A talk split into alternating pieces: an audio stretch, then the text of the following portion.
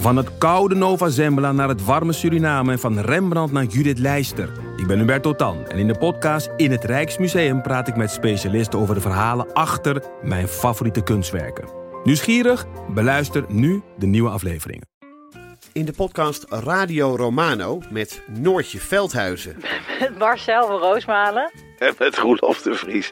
brengen we alle drie elke week een zogenaamde signalering mee. Wat heb jij nou weer bij je? En aan het eind bepalen we wie de winnaar van de week is. Echt een angstcultuur Lege huls die je er bent? Ja, dat gaat eigenlijk altijd onvriendelijk. Luister nu naar Radio Romano bij Podimo.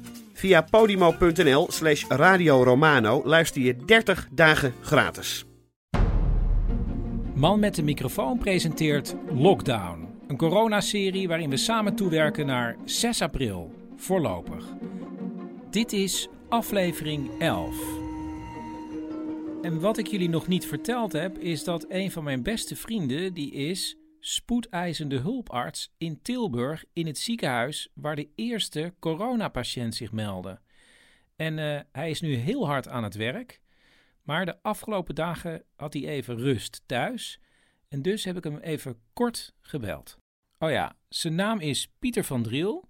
En ik vroeg hem allereerst hoe zijn SEH, spoedeisende hulpafdeling, er nu uitziet.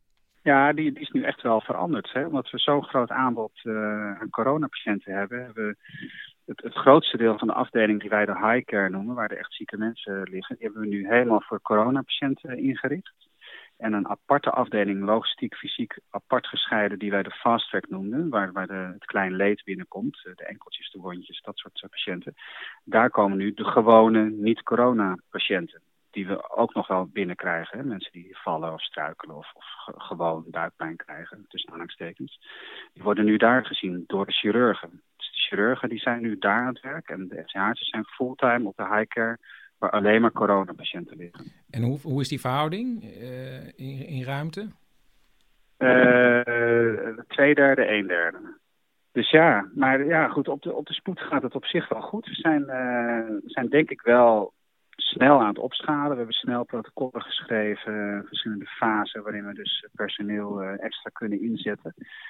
En dat, eh, dat is nu in, in werking. We zitten nu in, fase 2, zoals wij dat noemen. Dus we hebben extra diensten eh, ingezet. En we hebben een soort backup systeem voor als mensen ziek worden of als er eh, nog meer mensen nodig zijn. Maar we zien dat het hele ziekenhuis opschaalt. Hè? Dat er echt heel veel capaciteit voor de opnames wordt vrijgemaakt op andere afdelingen. Die nu eigenlijk leeg staan omdat operaties niet meer doorgaan. Dat worden nu echt corona- of ja, COVID-19 afdelingen. En die capaciteit die hebben we vol nodig. Kijk, en, en daar ligt nu emotioneel toch wel de, de, de zwaarste belasting. Want wij werken mensen die normaal op andere afdelingen werken. En misschien niet gewend zijn om met zulke zieke mensen te werken. Hè, dat, die werken normaal met mensen die na een operatie herstellen. Ja. Die hebben specifieke klachten als pijnklachten en, en dat soort dingen. Maar nu krijg je echt met hele benauwde, zieke mensen te maken. Met mensen die gaan overlijden, met familie die er niet bij mag. Dus we merken wel dat dat een hele zware wissel treft op, op, op die zorgverleners die nu daar worden ingezet. Ja. En, eh, ja, we merken dus ook dat eh, mijn vrouw, die geestelijk verzorger is, daar wordt ingezet om ook bijstand aan personeel te verlenen. Ja. Dat is, dat is wat, wat best wel nieuw is, dat we niet zo goed kennen eigenlijk. En ik vind het wel heel mooi om te zien dat wij nu IC-patiënten kunnen uitplaatsen naar de noordelijke provincies, waar, het- waar het nog niet in alle hevigheid is losgebarsten, om hier de capaciteit eh, te vergroten of te ontlasten eigenlijk. In de hoop dat, ja, we weten niet hoe het gaat lopen, dat we straks weer wat terug kunnen doen voor de noordelijke provincies, als bij ons hopelijk weer wat afgezwakt is. ja, tot zover Pieter. En ik neem aan dat ik hem de komende tijd nog wel eens zal bellen. En dit muziekje hoort een beetje bij de drie woorden die jullie mij kunnen opsturen op het speciale telefoonnummer. Dat staat in de show notes. Voor als je zelf een lockdown verhaal hebt. En deze keer belde Daan Vreugdehil. Dat is een boswachter. En zijn woorden waren Antarctica, storm en rozenkrans. En laten we meteen maar bij het verhaal beginnen. Hij is natuurgids op Antarctica en reist terug met een groep van Antarctica naar Argentinië. Ik, eh, ik, ik stapte op de boot eh, met de hele groep. We waren net eh, op de laatste landing geweest van Antarctica. Eh, actieve vulkaan. En vanaf daar eh, was het eh, Ja, het was, het was een klein beetje aan het waaien, maar eh, het was wel. eh, en er waren wat kopjes op de golven, maar ik denk dat het eh, dat een windkracht 4 was of zo. Maar dat veranderde toen hij s'nachts onder in de boot wakker werd. En ik voelde die, die windvlagen die, eh, die tegen de boot aan, eh, aan gingen. En eh, dat, die, dat die golven dus ook wel steeds woester werden. Dus dat je steeds meer. Dat, dat die deining die werd steeds groter. En eh, eh, ik lag onderin het schip, dus dan heb je iets minder deining. Maar eh, merkte wel van oeh, er is wel. dit is echt wel een stevige storm die eraan zit te komen.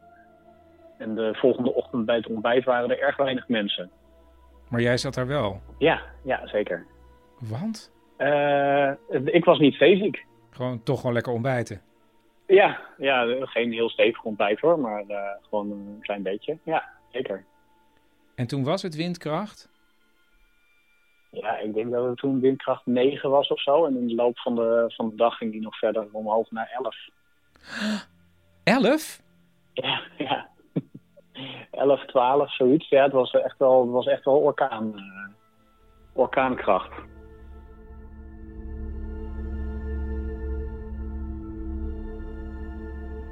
Kan dan op de, op de brug kan je zien eh, of dat, wat dat schip eh, eh, doet aan, aan, aan rolbeweging. En dat was eh, 30 graden de ene kant op en 30 graden de andere kant op.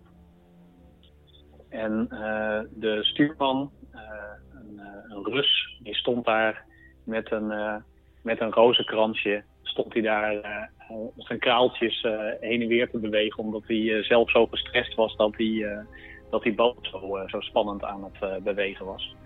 Dus dat was best wel een eh, spannende ervaring.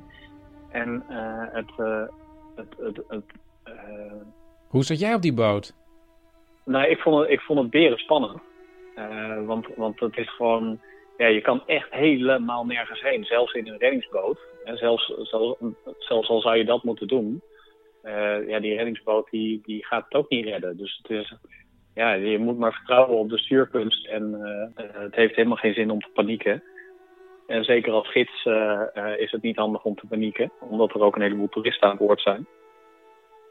Ehm, en toen keek ik uit het raam. En toen zag ik een enorm hoge, grijze, zwarte, diepblauwe golven met, met enorm grote witte koppen erop.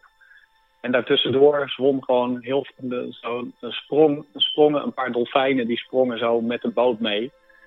Eh, en eh, de albatrossen die, eh, die ook gewoon rustig om de boot heen zweefden, alsof er eigenlijk helemaal niks aan de hand was. En dat was voor mij ook wel een relativering van kijk eens hoe, hoe klein we hier zijn als, als mensen en hoe, hoe die dieren die hier allemaal leven aangepast zijn op, op deze stormen. En dat dus, daar dus van genieten van die stormen.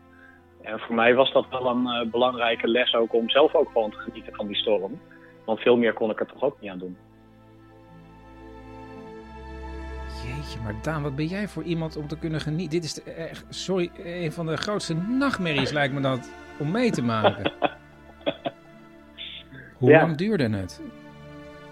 De hele dag wel. Het was eh, tegen de avond eh, begon het eigenlijk pas een beetje, een beetje rustiger te worden. eh, met, met de golven en, en de wind. Hebben jullie toen, ik, ik, ik- je ziet altijd in films dat mensen dan hun hele leven nog proberen recht te praten. Gebeurde dat nog? Ehm, eh, dat, heb ik, dat heb ik niet. de- de- ik denk dat niemand mij in vertrouwen wilde, wilde nemen om dat met me te delen. Ik heb het niet gehoord. Ze dachten, ja, die man zit gewoon te genieten. ja, dat, ja, dat wordt helemaal niks om dat te delen.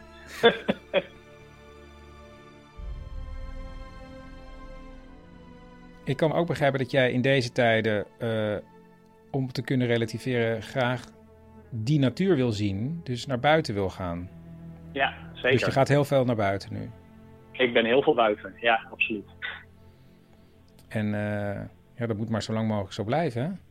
Dat lijkt me wel, ja. ja dat, eh, anders dan, heb je, dan ga je echt. eh, eh, dan, dan word ik heel verdrietig als ik opgesloten zit. Ja, nou laten we hopen voor het beste, Daan. Ja, zeker weten. Chris, Bert, ik ben een project gestart. Oh, je bent niet de enige, hè, Bert, met een initiatief, een project. Mijn mailbox begint aardig vol te stromen nu. En ik heb ook inmiddels besloten om dergelijke ondermijnende opmerkingen meteen naast me neer te leggen. En hop, daar ligt hij. Oh, nou, goed. Wat is het? Oké, weet jij nog dat ik in de allereerste aflevering zei dat je twee meter afstand moest houden? Ja, want daar zijn we mee begonnen met lockdown. Ja, nou, die twee meter schijnt dus nu ineens anderhalve meter te zijn geworden. Ja? Dat is toch gek? Ik vind dat heel erg vreemd. Voor je het weet is het 1,40 meter. Chris, Ja, nee. ik heb een onderbuurvrouw als die Nies, die haalt zo makkelijk de 1,85. Waarom dan ineens geen 2 meter meer? Is het eigenlijk ooit officieel twee meter geweest? Nou, bij mij wel. Ja, omdat je twee meter bent. Als je uitgaat van 2 meter is de kans dat er iemand met dyscalculie te dicht bij je komt een stuk kleiner. Iemand met dyscalculie? Ja, dat is iemand die geen afstand kan inschatten. Die bestaan? Ja, niet helemaal, eh, Bert. Wel hoor. Ja, nou, maar goed. Wat is je initiatief? Oké. Ik heb 400 meter elektriciteitsbuizen gekocht. 400 meter elektriciteitsbuis? Het is echt een enorme rol. Ligt in de tuin. Je weet wat dat is? Ja, dat is toch van waar je blaaspijpen van maakt vroeger? Ja, precies. En die 400 meter ben ik nu in 200 stukken van 2 meter aan het zagen. En dan? Dan kan je op straat met zo'n ding de mensen op een goede afstand houden. Twee meter.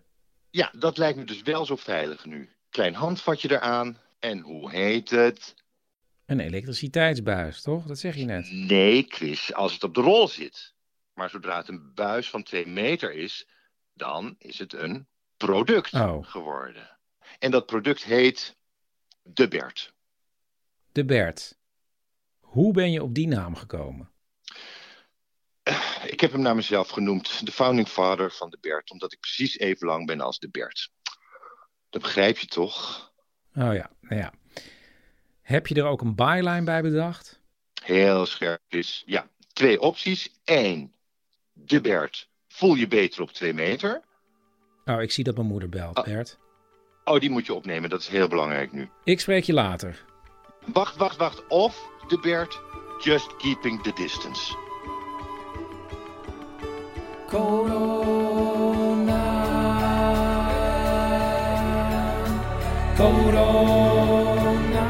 Dit was aflevering 11 van Lockdown. Vandaag heeft meegespeeld Bert Kommerij. En heb je nou zelf een verhaal in drie woorden? Bel het dan door naar 084 83 71 282. En misschien bel ik jou terug. En verspreid het hè, via Facebook, Twitter, Instagram. Eh, ik zit zelf op Instagram. Ik doe er niet heel veel op, maar je kan me wel volgen. En eh, geef sterretjes in de iTunes Store. En ja, ik ben morgen terug. In ieder geval met mijn moeder. Dus ja, tot morgen.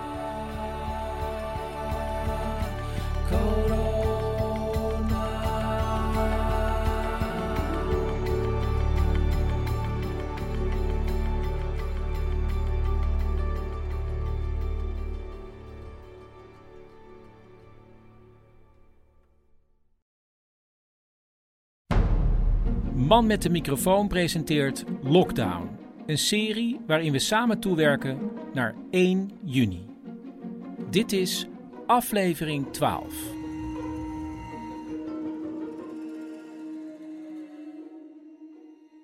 We nemen dit op op maandagavond. Eh, de persconferentie is net voorbij. We voelden het zelf al wel een beetje aankomen. Maar elke keer als er weer iets gezegd wordt, komt het toch hard aan.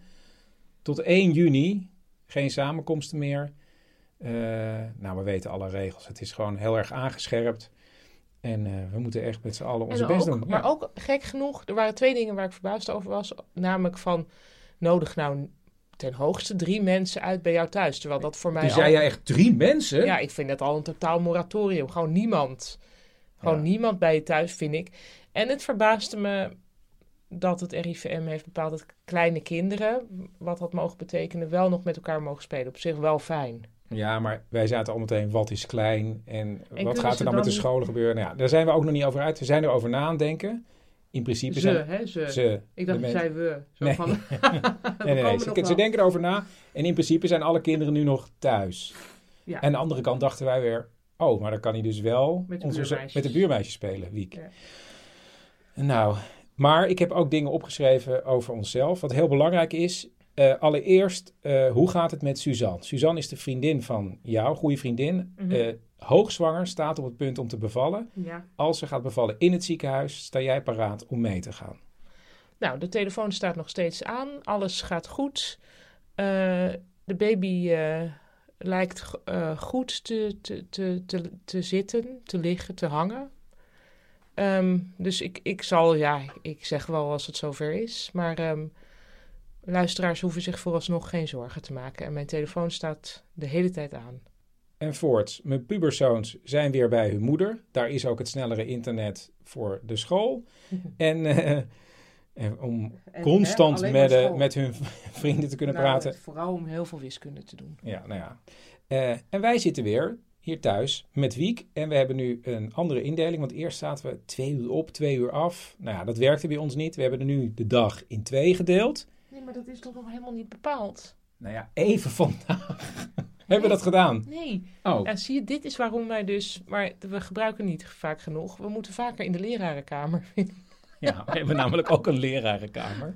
In de gang hebben wij tussen de deur en de gang nog een heel kleine ruimte... waar, waar we onze voeten kunnen vegen. En dat is de lerarenkamer. En dan zeggen we ook, wij moeten even naar de lerarenkamer. Wordt ook geaccepteerd Nou, door de goed. kinderen. Heel grappig. Nou, oké. Dus daar met die verdeling zijn we ook nog bezig. Volgens mij eh, hebben we alles nu gehad. En ik eindigde gisteren met eh, de mededeling dat mijn moeder vandaag in de uitzending zou zitten. Dus daar gaan we mee beginnen.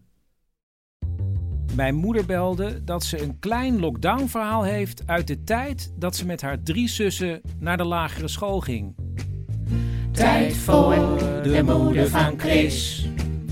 Tijd voor de moeder van Chris. Oh ja. Tijd voor de moeder van Chris. Het is weer tijd voor de moeder van Chris. Ik ga gewoon even vertellen. Wij moesten altijd van de Valshamkade helemaal naar de Wodenstraat, naar de Moria-school lopen. Dat was echt een heel stuk. Maar we moesten toen nog in die tijd altijd naar een christelijke school. Of altijd, we gingen naar een christelijke school. Nou, maar dat was nogal een stuk. En dan mochten we overblijven wij met z'n vieren. In een klas. En er werd er gezegd, je mag wel naar de wc. Maar jullie moeten met z'n vieren hier blijven. Vonden we helemaal niet erg. Zeker niet in de winter. Mama gaf altijd een verrassingje mee in ons boterhamtrommetje. Dus Maar jullie hadden het gewoon beren gezellig met z'n vieren. ja, het was altijd gezellig met z'n vieren. Ja, het was wel gezellig met z'n vieren. Ja, soms hadden we ook wel ruzie. Een beetje.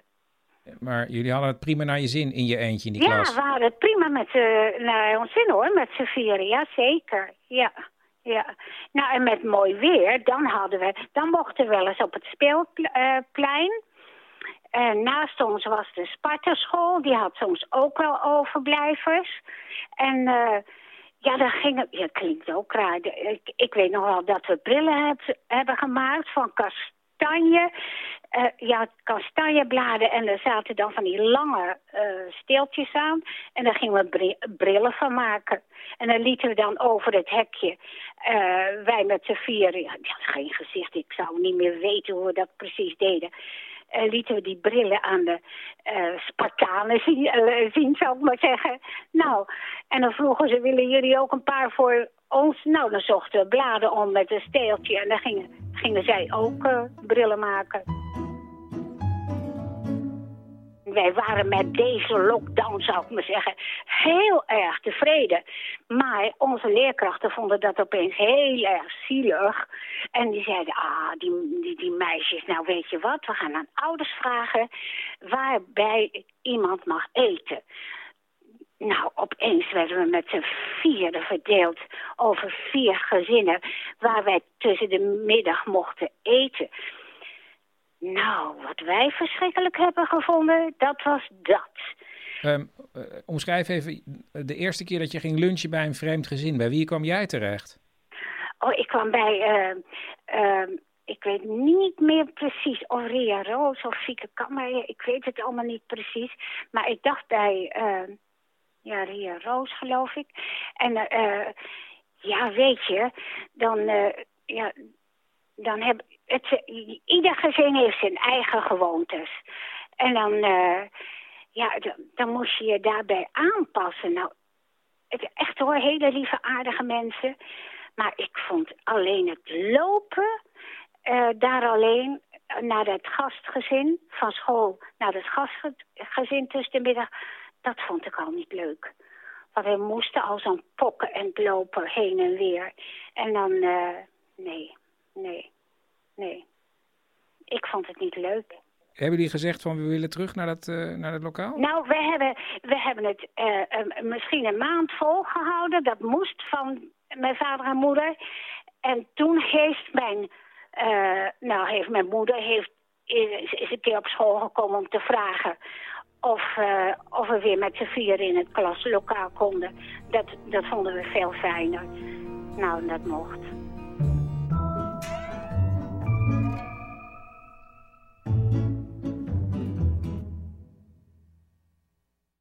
Hallo.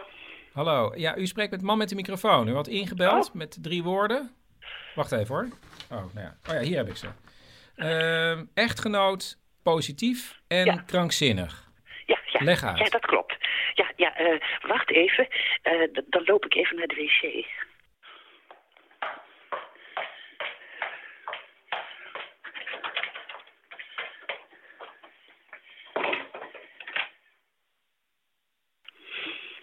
Zo, de deur is op slot. Daar ben ik. U klinkt een beetje opgejaagd. Ja, het is beter als hij dit niet hoort. Het is namelijk mijn man. Ik, ik, ik word stapelgek van hem. Die vat die hele coronacrisis op als iets heel positiefs. Oh, ja. Hij heeft de trap geschilderd, want wij wonen twee hoog. En we mogen nu toch niet naar buiten, zegt hij. En hij is tot twaalf uur s'nachts bezig geweest. En, en hij wordt om vier uur weer wakker, want dan gaat hij brood bakken. Oh, ja, klinkt ook wel fijn. Misschien vers gebakken brood. En, en de trap staat weer strak in de lak. Ik, ik, ik word er dus echt helemaal krankzinnig van. Vanaf dat hij wakker wordt, dan loopt hij tot het slapen, te zingen en te fluiten.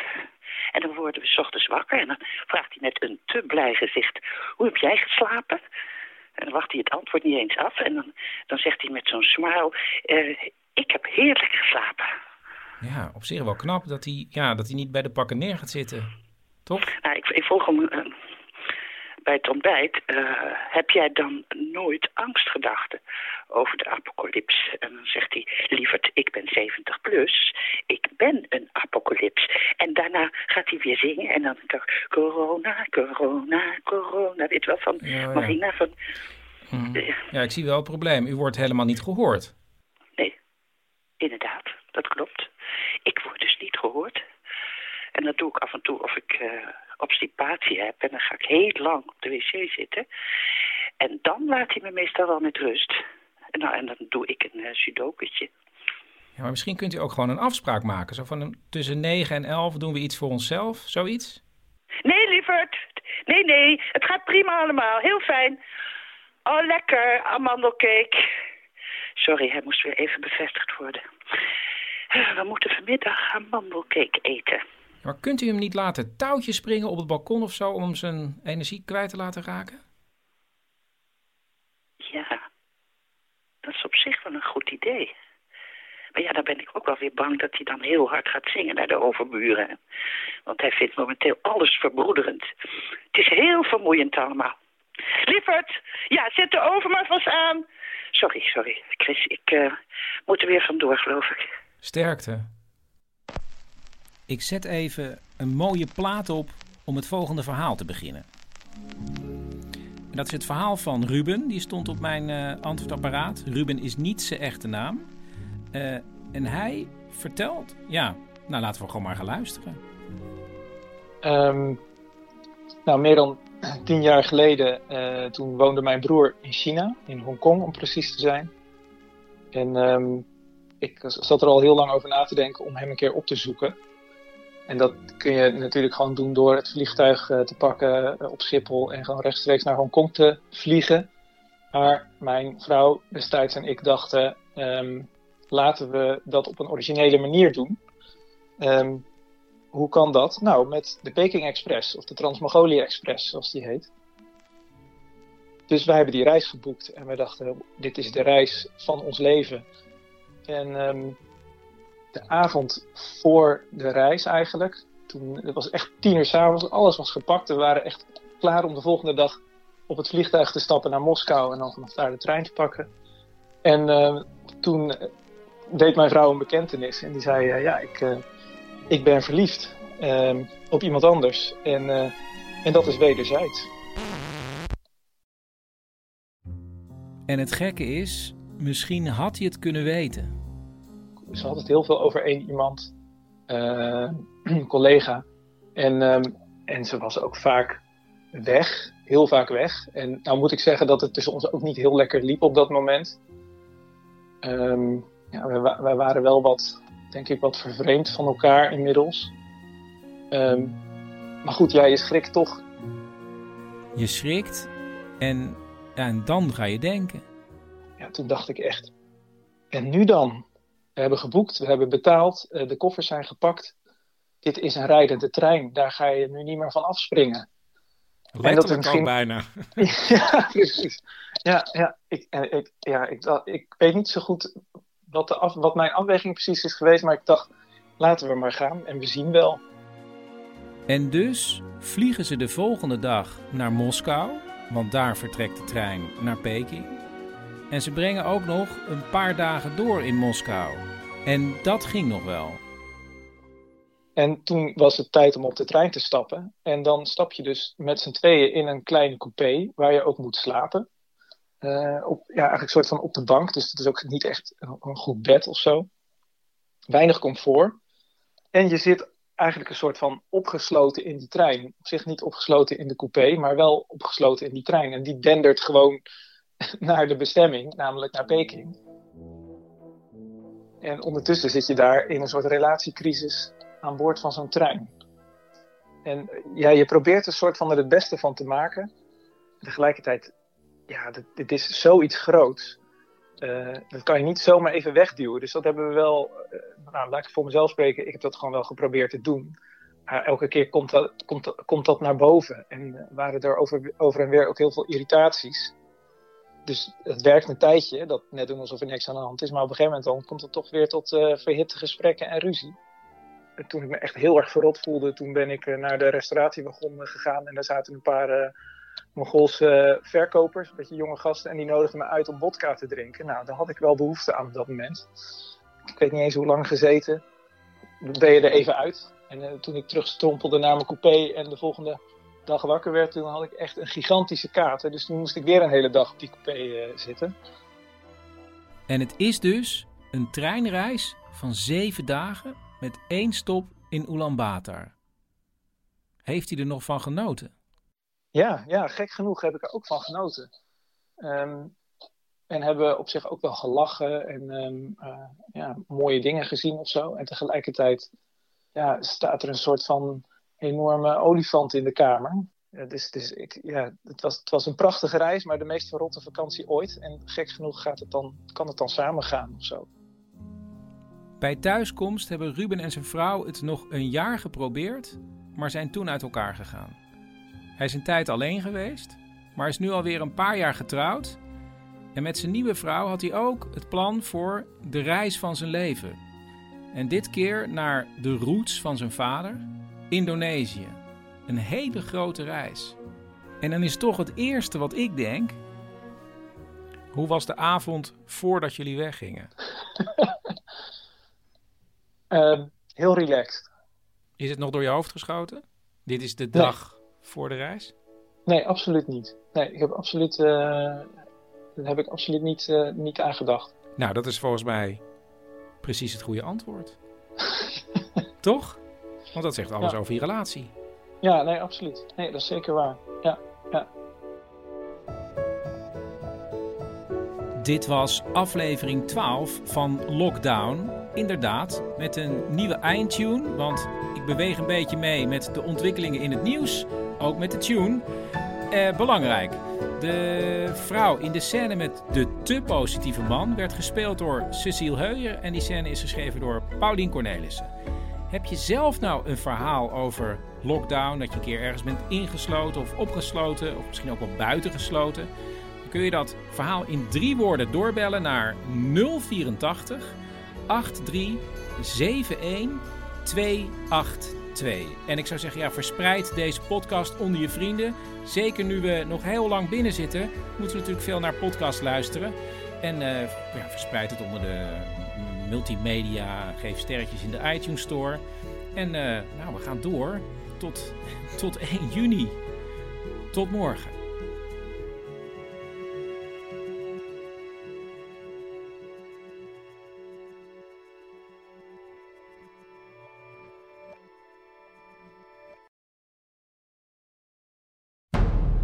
Man met de microfoon presenteert Lockdown. Een serie waarin we samen toewerken naar 1 juni. Dit is aflevering 13. Goed, Paulien, ja, we zitten op de bank. S'avonds, we kijken naar tv. En Wiek is, als het goed is, aan het slapen, maar die wordt steeds wakker. Maar ja, misschien kunnen we toch even opnemen wat we vandaag gedaan hebben. Ehm, grote creatieve projecten begeleid van Wiek. Koekjes gebakken. Koekjes op een, op een corona-verantwoorde wijze naar je ouders gebracht. En nog een op afstand, op afstand een gesprek gevoerd. Ik ben nog uh, vandaag naar de supermarkt geweest. Ik, uh, we hebben een grote Albert Heijn. Iedereen hield heel erg veel afstand. Mm. Maar ik dacht wel, ja, hoe lang gaat dit duren? Dus ik was wel gerustgesteld dat er nu een soort militaire operatie min of meer wordt uh, voorgesteld voor de supermarkten. Wat je moet, nou ja, er, moet, er gaat een beveiliger bij de ingang staan. Mhm. Je moet een winkelwagentje meenemen. Je mag maar in je eentje. Uh, en daar word ik wel gerustgestelder van. Maar ik denk nog steeds, wow, 1 juni, dat gaat heel lang duren. Maar ja, Voor mensen om het vol te houden, bedoel ja, je? dat denk ik, ja. En wat ik wel even heel grappig vond vandaag. Mm. Ik werd er net opgebeld door een man. En die zei, hallo, ik uh, ben een scheikundeleraar van Joep. Dat is mijn oudste zoon van 17. Ik zei, ja, hallo. En hij zei, ja, ik bel even voor een 10 minuten gesprek. Dat zou eigenlijk deze week plaatsvinden, maar ik bel even op. En toen vond er echt een gesprek plaats van twee minuten. Ja. En eigenlijk een heel goed gesprek. Ja. Hij zei, ja, uh, Joep, slimme leerling, uh, moet gewoon veel meer stampen. Doen kinderen tegenwoordig niet meer. Uh, hij moet veel meer vragen stellen. Ik uh, probeer hem af en toe erbij te betrekken door een vraag te stellen, maar hij moet gewoon veel meer vragen stellen. En ja, hij droomt weg, maar daar groeit hij overheen. En ik toen zei ik, ja, nou, dat klinkt allemaal heel goed. Oké, okay, tot ziens. Twee minuten. Ja, maar is niet sowieso, kan niet alles sowieso veel korter? Gaan we dat niet ontdekken nu in deze ja. periode? Dat denk ik wel hoor. Ja. Dat alles wat een uur duurt, kan een half uur duren. Dat. Goed, en jij had vandaag Ja. eigenlijk... Ik heb wel een gek gevoel. Nu, nu we dit opnemen is het tien voor acht 's avonds. Ik zou eigenlijk nu in Theater Bellevue zijn. Ik ben altijd, als ik een nieuwe voorstelling moet ontwikkelen, ga ik op heel, ja, heel korte optredens doen op verschillende podia. En vanavond zou Bies zijn in Bellevue. Het is altijd heel, zijn heel leuke avonden met een paar andere.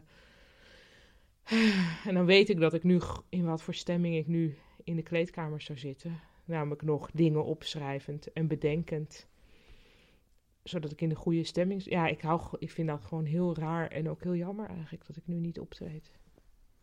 En je staat nog steeds stand-by voor Suzanne, goede Mhm. vriendin van jou. Ze is hoogzwanger. Haar vriend hoest, mag niet mee naar het ziekenhuis, dus jij gaat mee. Ja, de hoop is dat, dat haar vriend op tijd beter is, zodat hij mee kan. Als dat niet zo is, ga ik mee. En ik heb me vandaag even ingelezen op allerlei moederblogs over de, ideale rol van de partner tijdens de bevalling. En? Nou ja, natte washandjes. en ook, ik kwam ergens tegen, goede dingen om te zeggen. Ik zal het even bijpakken. Hier op een briefje. Hier. Staat er echt bemoedigende woorden. Je doet het fantastisch. Ik ben trots op je. Ga zo door, Bikkel. Nu de knaller. Ik heb zoveel respect voor je. En ook nog, ik, ik geloof in je. Nou, heel goed. nou, goed dat je je voorbereidt. Ehm, ja, dan kunnen we eigenlijk nu naar eh, de aflevering van vandaag. Dat is maar één verhaal. Ehm, zoals jullie misschien al gehoord hebben, ik heb twee goede vrienden die wonen in Brabant. Eh, Pieter is arts bij de spoedeisende hulp in Tilburg. En zijn vrouw, Saskia van Driel, die is geestelijk verzorger in het Elisabeth Twee Steden ziekenhuis, ook in Tilburg. En ik heb haar opgebeld hoe het haar nu vergaat in het ziekenhuis. En ik moet wel even zeggen, misschien is deze aflevering wat minder geschikt voor jonge kinderen.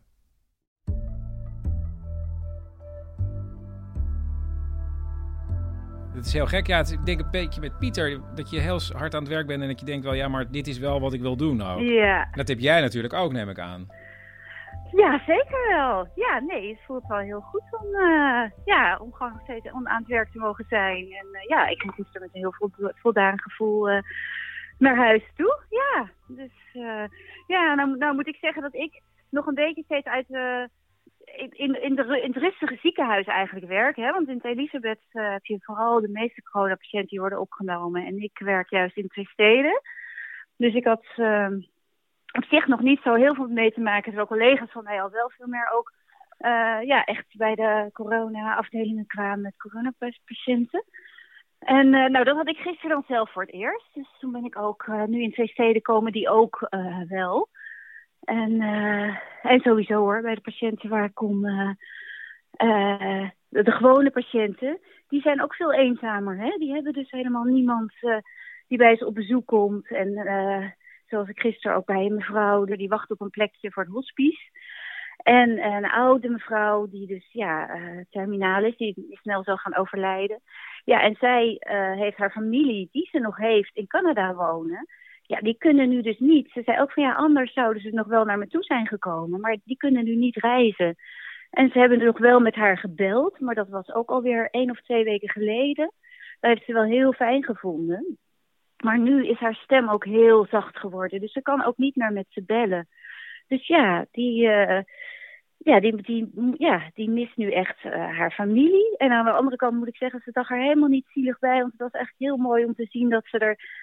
Um, ja, ze was er heel erg berustend in hoe het allemaal voor haar was. Uh, dat het einde van haar leven kwam. En um, ze genoot heel erg van alle lieve verpleegkundigen, de jonge mensen die ze om zich heen zag die zo goed uh, aan, het, aan het werk zijn.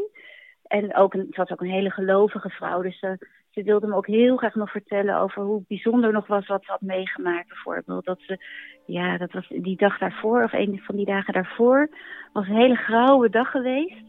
En um, dat ze zo gebeden ook, want zij houdt heel erg van wolken. En had ze naar God gebeden van, goh, mag ik nog wat mooie wolken zien? En toen niet lang daarna was dus inderdaad uh, die grauwheid een stuk weg en, en kwam er een prachtig wit wolkje voor haar raam.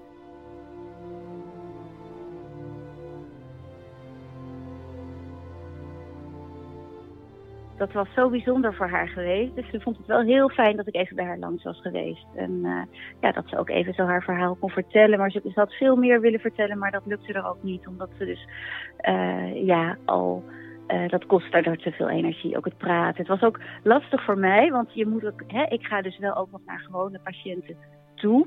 Ja, jeetje, ja. Dus kan je zeggen, wat, wat is dus normaal, wat is je normale uh, werk? Is dat je gewoon bij die mensen zit, je luistert naar hun en je geeft ze steun, zoiets, zou je kunnen zeggen? Ja, ja precies. Hè. Wij komen juist bij de mensen die nou ja, bij, bij die ingrijpende gebeurtenis in het leven, ja, dat is eigenlijk voor iedereen in het ziekenhuis natuurlijk wel. En dan wordt hè, nog weer gekeken, we komen toch vaak bij de mensen voor wie ook het einde in zicht komt. Dus dat is iets wat wel uh, normaal is, wat zij ook altijd doen.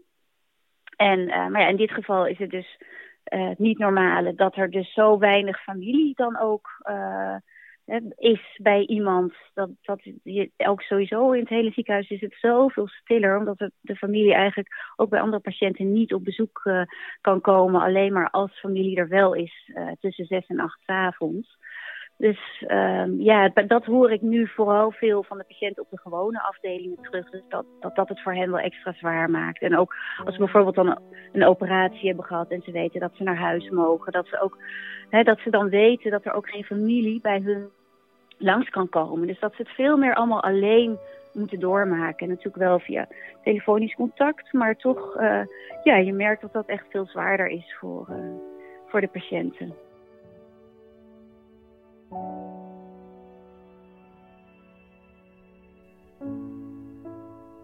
En normaal zit je natuurlijk waarschijnlijk ook bij mensen aan bed en hou je bijvoorbeeld iemands hand vast of zo.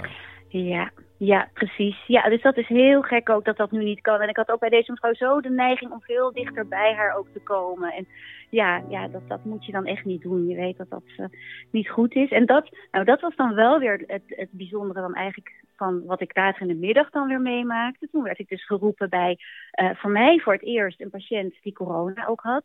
Dus ik ben voor het eerst uh, gistermiddag naar de afdeling gegaan, waar dan ook echt even van die deuren staan van, ho, je mag hier niet naar binnen. Maar goed, ik wist dat ik naar binnen moest. En dan heb je ook echt iets van, oh jee, uh, als je die deuren doorloopt, van, oh, nou moet ik oppassen, wat, wat, wat mag ik wel en niet aanraken, waar, waar kan ik mijn kleren aandoen die ik nodig heb. Maar gelukkig was er een verpleegkundige die mij meteen heel goed opving. En mij liet zien van, goh, hè, hier liggen de kleren en je moet nu eerst dit uh, schort aandoen. Gelukkig dacht ik er nog aan mijn vest eerst maar even uit te doen. Want ik had er van collega's gehoord dat dat schort heel warm kan zijn. Dus nou, die eerst uitgedaan. Schort aan. Dus ik werd gelukkig geholpen naar verpleegkundige met de bril en een kapje voor. En dan tot slot de handschoentjes aan. Maar dan ben je uiteindelijk, als je dat allemaal aan hebt, voel je je ook opeens ook wel weer heel veilig en beschermd. Dus ik vond wel het mooie, toen ik dus toen de kamer opliep van deze, ook een oude dame. Maar deze mevrouw, voor deze mevrouw was het heel onverwacht. Dus ik kwam bij haar, haar kamer binnen. En omdat ik zo beschermd was, kon ik nu dus wel uh, handen geven. Dus dat voelde wel opeens heel fijn. Omdat je dan ja, handschoentjes en al die kleding aan hebt, kan je, ook al is het met handschoenen, het was, toch voelt het echt dat je weer even contact kan maken. En uh, ja, maar wel een heel andere situatie dan die mevrouw van vanochtend. Want voor deze mevrouw was het juist zo onwerkelijk. En ze kon het eigenlijk niet bevatten wat er met haar gebeurde. Dat ze zo plotseling, eigenlijk gisteren pas in het ziekenhuis opgenomen. En nu eigenlijk, ja, al uh, zo benauwd en zich zo slecht voelend. En de dochter was s'nachts al gebeld van, goh, kom maar in huis, want ze gaat zo hard achteruit. Dus de dochter zat daar ook aan het bed. En een neef die voor haar echt wel als een zoon was. Dus echt de twee dichtstbijzijnde mensen voor haar zaten ook rond haar bed. En um, ja, maar ze, was vooral een beetje onrustig. En ze had echt iets van, ja, ik, ik kan het niet bevatten. Wat gebeurt hier allemaal? En ze kon ook eigenlijk niet meer goed praten. Ze had van zo'n zo'n plastic kapje op haar, uh, op haar gezicht, ook voor extra zuurstof. Dus dat maakte het ook wel extra lastig. En ja, de dochter en, en zoon, of hè, neef dan eigenlijk, die gaven ook al aan van goh, we vinden het vooral heel fijn. Zij was ook heel gelovig geweest. Als jij nog een bediening voor haar kan doen, hè, een katholiek afscheidsritueel. Uh, ze is ook altijd heel gelovig geweest. En dat zou heel fijn zijn als je dat nu ze nog bij is, omdat het zo snel ging, als je dat nog voor haar uh, kan doen.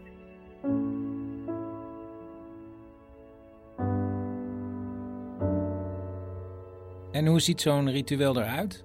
Nou, weet je, dat is ook nu dus heel anders. Want normaal gesproken uh, gaan wij dan ons koffertje halen. En dan hebben we daarin uh, nou, het boekje waarin in, in het, uh, alles beschreven staat ook aan, aan teksten en gedichten en gebeden die je kan gebruiken. Daar zit ook, ook een, flesje met water in wat je gebruikt. Of, of een potje voor zalf om te zalven. Of met heilig water te gebruiken. Er zit een, een, een, icoontje van Maria in. Een kruisbeeldje.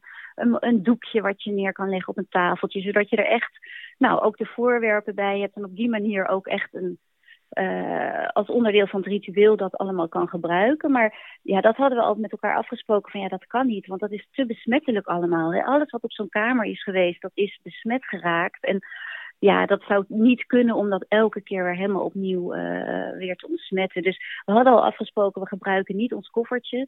Ik had al wel aparte papieren uitgeprint die ik dan één keer kan gebruiken en vervolgens weer uh, weggooien. Maar ja, deze mensen wilden gewoon het liefst dat ik ter plekke meteen dat voor die mevrouw deed, omdat ze zo onrustig was. Dus ik heb ook niet eens meer, weet je, je kan ook niet, je zit in je pak, je kan niet zomaar van de afdeling af. Uh, zeggen van, oh, ik haal even snel op mijn kamer mijn papieren, want dan moet je eerst helemaal uitkleden en dan vervolgens opnieuw aankleden. Dus gewoon maar ter plekke besloten van, nou, hè, gewoon met uh, de eigen woorden, hè, die hebt, die hebt in je hoofd in ieder geval dat ritueel ook zitten en met de gebaren een stuk ook zegen geven, hè, waarmee je toch het goede aan iemand wenst. En dan uit naam van God, je wilt dat met de hand op het hoofd. En een ander onderdeel is daarbij ook de, de handoplegging, waarbij je ook familie uitnodigt om de hand, uh, handen op, op nou, de, degene om wie het gaat te leggen. En zo met elkaar nog verbinding te maken. En, en je staat allemaal in zo'n pak? De familie ja. ook? Nou, dat was ook nog zo wat. Want ehm, de, die, die mevrouw die had ook echt gekeken. Het is ook belangrijk dat haar familie ook bij aanwezig is. Dat is eigenlijk een heel mooi onderdeel van het geheel. Dat je dat zo samen met elkaar beleeft. En ze had ook echt even iets van: hé, maar oh, maar is mijn dochter hier dan nu wel? En die dochter had natuurlijk ook helemaal zo'n kapje op haar hoofd. Dus die dochter moest echt even zo dat kapje afdoen van: ja, maar mam, kijk, ik zit hier naast je. Dus hè, dat, het maakt het ook allemaal wel echt iets. Uh, Ja, uh, wat, als een ik snap dat zo'n oude dame dat echt als een, een heel verwarrende situatie ervaart. En zeker als je zo benauwd dan ook bent. Dus nou, het was mooi dat ik het gedaan kon hebben.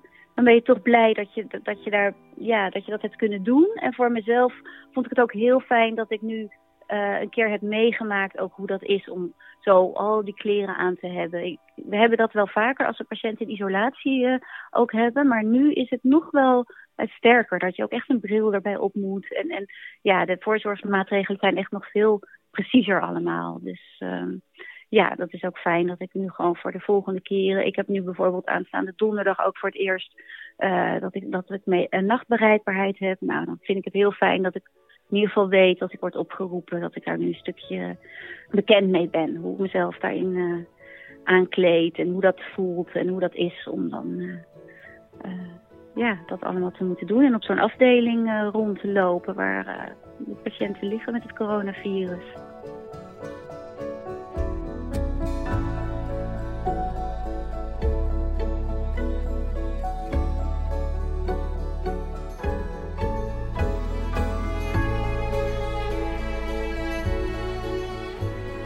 Dit was aflevering 13 van Lockdown. Uh, morgen ben ik terug met iets lichters en luchtigers.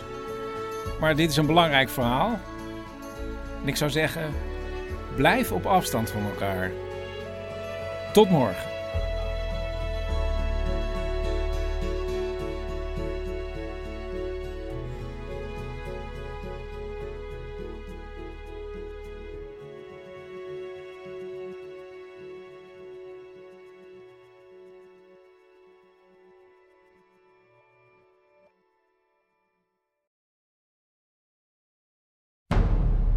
Man met de microfoon presenteert Lockdown, een serie waarin we samen toewerken naar 1 juni.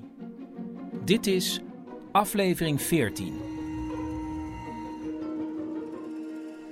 Ja, daar zitten we. Uh, we doen een kleine inleiding, hebben we net besloten, want we wennen er een beetje aan, toch? Ja, ik heb um, minder apocalyptische gedachten. Ik weet niet hoe terecht dat is, maar dan denk ik maar weer: vraag niet hoe het kan, maar geniet ervan. Precies. En jij hebt eigenlijk één hele leuke observatie gedaan vandaag bij de Jumbo in Buitenveldert. Ja, ik moest daar eventjes een uh, brief of pakketje posten. En um, daar was een meneer in rockkostuum of jacket, weet ik nooit het verschil. En, uh, en met, hand, met plastic handschoentjes aan. En die uh, heette iedereen welkom. En die zei: Ik ben vandaag het welkomstcomité. En die gaf dan iedereen een soort gedesinfecteerd mandje of zo. En zorgde dat mensen niet met te veel tegelijk naar binnen gingen. Maar die mensen ze hadden er dus echt iets leuks van gemaakt. Het was heel lief. Nou, een leuke observatie. Ja. Um, gaan we volgens mij beginnen met iemand die drie woorden heeft opgestuurd. Oké. Okay. Is dat genoeg? Ja. Ik bel met Pia van den Beuken en die gaf mij de woorden grote oceaan, maandlang en water. Nou, ik heb eigenlijk vorig jaar heb ik een zeilreis gemaakt. En het is een beetje om, in contrast met de situatie uh, van vandaag, met het corona, is dat we allemaal in quarantaine moeten. En in principe ben ik eigenlijk vorig jaar soort van vrijwillig in quarantaine gegaan. Toen ik een zeilreis heb gemaakt van Colombia via Panama naar Frans-Polynesië. Waardoor ik een maand lang op een uh, 10 meter bootje zat.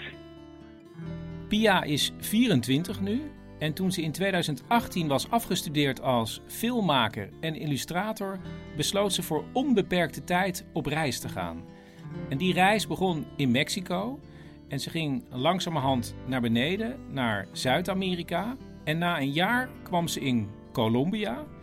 En toen was ze eigenlijk alle sociale contacten een beetje zat. Uh, en toen dacht ze, ik ga iets alleen doen. En ze had de bergen in kunnen gaan, maar ze dacht, nee, ik ga nu niet liften met auto's, wat ze deed. Ik ga op zoek naar een liftmogelijkheid met een zeilboot. En dus ging ze naar een haven. En eh, ik had nog nooit gezeild, dus ik wist eigenlijk in principe niet echt hoe ik dan contact moest gaan opzoeken met een zeiler. Maar de eerste zeiler die ik eigenlijk ontmoette was uh. Gustav was een typische blonde Zweedse man. Lang, een beetje verbrand door die zon en uh, ja, heel blij gezicht. En ik uh, ging dus een praatje maken met die Gustav. En uh, hij had eigenlijk al snelle plannen, want hij zei: Ik ga morgen al naar Panama zeilen. En je kan mee of je kan niet mee, mij, mij maar niet uit. Maar dan moet je vanavond al op die boot slapen en je backpack pakken. Pia wil best wel gaan kijken op de boot van de overigens 29-jarige Gustav. En dus pakt ze voor de zekerheid haar spullen. Nou, het was een heel goed doel om met mijn backpack op die boot te komen via die lijn aan de buitenkant. Ik had nog nooit op een zeilboot gestaan. Dus niet echt waar ik me aan vast moest houden ook. En uh, hij deed heel normaal, want hij woonde daar natuurlijk. Hij zei, ja, dit is de keuken, hier is de pomptoilet, hier is dit, wil je mee? Ik zei, oh, uh, ja, nou, ik weet niet beter. Uh, ja, denk ik. en toen ben ik meegegaan. En dus reist ze op haar allereerste zeiltocht in vijf dagen van Colombia naar Panama. Ik was dus helemaal niet, je zou denken zeeziek, maar ik was dus niet zeeziek. Ik uh, was de nachtwacht aan het houden, ik werd vroeg wakker, vissen vangen.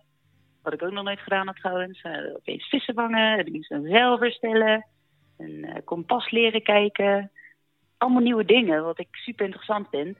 En ja, daarvoor ging ik dat ook doen, om nieuwe dingen te leren. Dus die eerste vijf dagen waren voor mij wel echt uh, ja, waren geweldig. Gustav die leerde me alles. Um, ik denk omdat we best wel vreemd van elkaar waren. Dat we gewoon elkaar leren, beter leren kennen waren. We waren verhalen aan delen over onze reizen, over familie. Over hij leerde me vis fileren, vangen, leeghalen met alle darmen en ingewanden. Ja, uh, dat ging best wel goed. Daarom denk ik ook dat ik zo snel ja zei toen hij vroeg in Panama of ik mee naar Frans-Polynesië wilde. Omdat ik het wel... Mijn mensenkennis best wel goed, dus ik vertrouwde hem. Maar hé, hey, Frans-Polynesië, dat is een zeiltocht van 31 dagen. En het zeilschip was nog niet heel erg zeewaardig, dus dat moest worden aangepast. En toch gingen ze samen op weg. Um, had je nog een oogje op hem of had hij nog een oogje op jou? Is natuurlijk altijd belangrijk. Ja, nou, ik had geen oogje op hem. Hij had een klein oogje op mij. Wat een beetje moeilijk was, want uh, hij gaf dat toe toen we net vier dagen waren vertrokken vanaf de kust. Toen hij opeens een arm om mij heen sloeg tijdens de zonsondergang. En toen uh, schrok ik eigenlijk wel even, want ja, dan begin je net aan zo'n zeilreis wat misschien wel twee maanden kan duren zonder land. En dan opeens krijg je een arm om je heen. En toen dacht ik wel van, uh, als meisje, 23 jaar, ben je best wel fragiel dan. Dus toen moest ik wel hard zijn. Wat heb je toen gedaan? Nou, ik heb hem weggeduwd. en toen heb ik heel duidelijk gezegd dat ik het echt niet oké okay vind dat hij mij in die positie brengt. En dat als, dit zo, als ik me zo blijf voelen, dat ik dan bij de Galapagos-eilanden eruit wil. Daar zouden we binnen twee dagen daarna zouden we daar aankomen, naar die dag dat hij dat deed. Um, Hoe ging hij daarmee om? Nou, Gustav zei van oké, okay, prima. Ik dacht ik probeer het. Het leek me wel gezellig deze komende maand, maar vrienden is prima. Dan zijn we vrienden. En toen was ik wel even kwaad dat hij het zo uh, inzag. Alleen, ja, je bent op een boot waar je niet vanaf kan. Dus je moet best flexibel zijn. En toen hebben we het uitgepraat. Ja, en in die dagen daarna veranderde langzaam de situatie weer? Ja, de dagen daarna hebben we er gewoon zand over gegooid. En toen uh, hebben we de beste tijd ervan gemaakt. En op zee is er een heel ander ritme. De dag begint gewoon als de zon opgaat en eindigt als hij ondergaat. Maar toch hadden ze ook nog echt afspraken op de klok. Ja, en ik speelde elke dag om vijf uur Jatzee. Dat was zo'n dingetje geworden.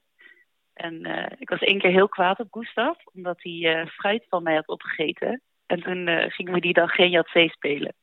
En toen was ik heel kwaad. Ja, je gaat waarde hechten aan bepaalde dingen. En dat was dat fruit was heel belangrijk voor mij. Um, ja, en ik denk vanaf een uur van 11 tot 4 uur 's middags. Dus van 11 uur in de ochtend tot 4 uur 's middags lag ik in mijn kajuit. Want de zon was zo sterk, dus ik kon niet buiten zitten. Anders verbrandde ik levend. En we hadden geen schaduwplekje, want die boot was zo klein. Dus ik kon nergens anders zitten. Dus dan zat je maar eh, in je kajuit op je bed. Een boek te lezen of eh, naar je plafond te staren of zo. Of naar de zee. Die dingen. Soms keek ik wel vijf uur lang naar een zee op een dag. Ja, Wat doet het eigenlijk als er zo weinig om je heen is? ik be- beleefde echt die zon, dat gevoel daarvan, ook van de oceaan, maar ook van de wind. Alles heeft veel meer kracht. En het gevoel wat het opwekt is zoveel sterker dan normaal, omdat je meer diepgang kan vinden in bepaalde dingen en objecten. Eh, ik denk dat, dat dat ook is als je thuis zit, als je op één plek blijft zitten, dat je veel meer om je heen kijkt van oké, wat heb ik nu en met welke dingen moet ik het doen? En daarmee ga je maar het beste, het beste daarvan maken. Ik denk dat de mensen dat nu thuis ook hebben. Dat je veel meer waarde hecht aan bepaalde momenten, objecten, mensen. Maar ook meer haat. Ik begon opeens de zon te haten, omdat hij zo scherp was. En ik, ik, ik trok het niet. Ik heb haatgedichten geschreven naar de zon. Ik heb papier, ik heb tekeningen gemaakt over hoe erg ik de zon haatte en hoe erg ik hem in de zee wilde gooien om uit te blussen. Ik, je wordt een klein beetje gek misschien als je ook op zo'n klein oppervlakte zit met één persoon. En dan zo'n hete zon bijvoorbeeld, die er elke dag ook is. Hielp het om een haatgedicht tegen de zon te schrijven? Zeker. Ik, eh, daardoor kon ik mijn emoties meer uitdrukken. Want ik had het niet per se met Gustav over dat soort emoties. Ehm, door een dagboek bij te houden en tekeningen te maken over woede daarin. Da- daardoor was ik er oké mee, denk ik. En toen, na urenlang staren, boeken lezen, vissen, praten, eten, waren er 31 dagen voorbij. Ja, toen eh, zagen we dus land. Wat ook heel gek is, want dan eh, je dobbert de hele tijd op en neer, alsof je in een kermisattractie zit. En dan kom je opeens aan land en dan ga je met je voet op land staan. En dan, je moet je voorstellen dat je super dronken bent en dan over het land gaat lopen. En dat je van links naar rechts loopt en je kan gewoon niet recht lopen. Het is onmogelijk. Het duurde me misschien wel een half uur voordat ik recht kon lopen. En toen eh, had ik allemaal gedachten over hoe gaat Frans-Polynesië eruit zien. En toen zag ik de eerste Frans-Polynesiër en die liep rond met een baguette. En toen moest ik heel hard lachen. En hij zei bonjour. En toen dacht ik, oké, ik ben in Frans-Polynesië aangekomen. En toen eh, zijn, ben ik nog twee maanden rond gaan zeilen in Frans-Polynesië, want het is een supergrote eilandengroep. En eh, toen zijn we ja, twee maanden rond gaan zeilen langs allemaal kleine eilandjes. En toen in Tahiti, toen heb ik afscheid genomen van Gustav omdat ik er helemaal klaar mee was. Eh, ik kon hem ook niet meer echt zien. Ik was er helemaal klaar mee. En we wisten beide ook, we voelden van elkaar aan van ja, het is goed geweest. Het is tijd voor nieuwe avonturen. Ik ga terug, jij gaat door. En eh, dit is het.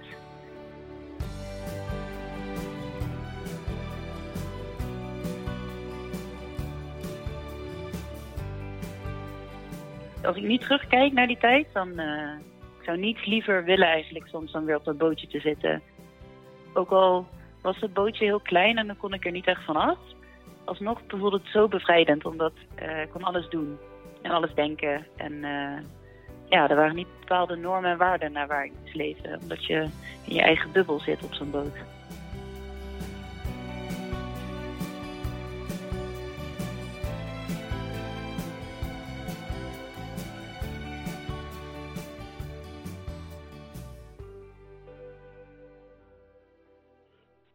Nou, Rob en Mirjam die luisteren sowieso. Mhm. Ik weet ook bijna zeker van Stephanie. Nee, dat Oh, volgens mij is dit al gegaan.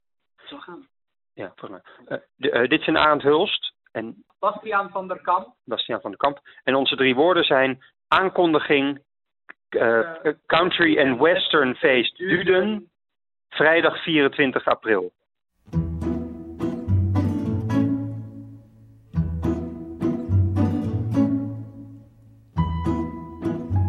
Met Bastiaan van der Kamp. Ja, hallo, met eh, Chris, eh, de man met de microfoon. Jullie hadden drie woorden ingesproken op de voicemail. Ja, oh ja, ja. Eh, hier, jij. Ja, pak. Eh, hallo, Arend. Ja, hallo, hier eh, Chris, de man met de microfoon. Jullie hadden- Ah, nou ja. Eh, hier in Dude hebben ze het over je hoor, in je podcast. Oh, wat leuk. Ja, en Rob en Mirjam sowieso. Ja, Stephanie, René ook. Mhm. Oh, nou, dat is heel leuk om te horen. Maar ik bel dus voor die drie woorden, want ik begrijp nu dat jullie voor 24 april een country en western feest gaan organiseren. En nou en of. ja. Nou, en nog. Maar 24 april?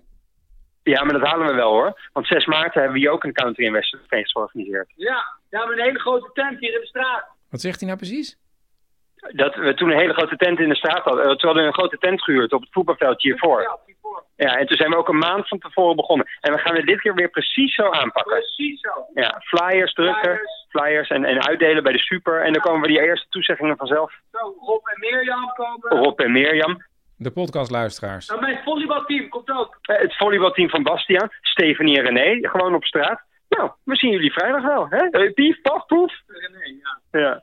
En ik, ik kom als Indiaan. Stephanie. Ja, ja jouw jazz komt ook. En mijn jazzcombo, ja, ja. Ik, eh, ik neem een banjo mee, hoor.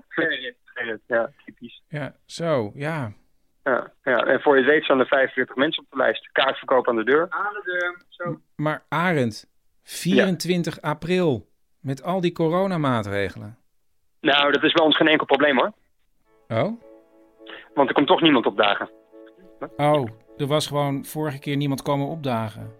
En volgende Nee, keer hè? dus ook weer niet. Nee, nee hè, Rob en Mirjam met je podcast. En Stephanie en René met jullie pief, paf, poef gelul. Zak maar lekker in een stuk vers gekakte dikke scheidkak. Hé, hey, en Gerrit, weet je, je kunt die banjo van je... Gerrit is maar. Gerrit, die, ja, die banjo, Ja. die, die banjo die gaat heel hard. Ja, en je zult, gaat het niet leuk vinden, want dat, en dat weet ik, maar die gaat heel hard. Arend, Heel- Arend, Arend, Ja? ik ga ophangen. Oké, dankjewel.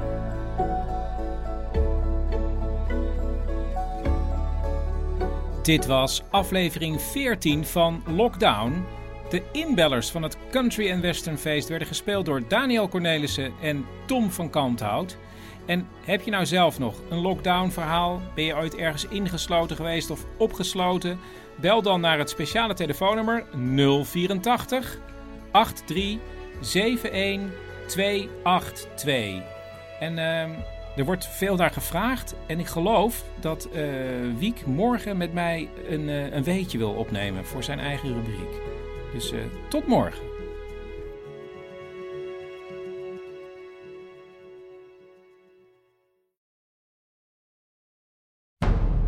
Man met de microfoon presenteert Lockdown.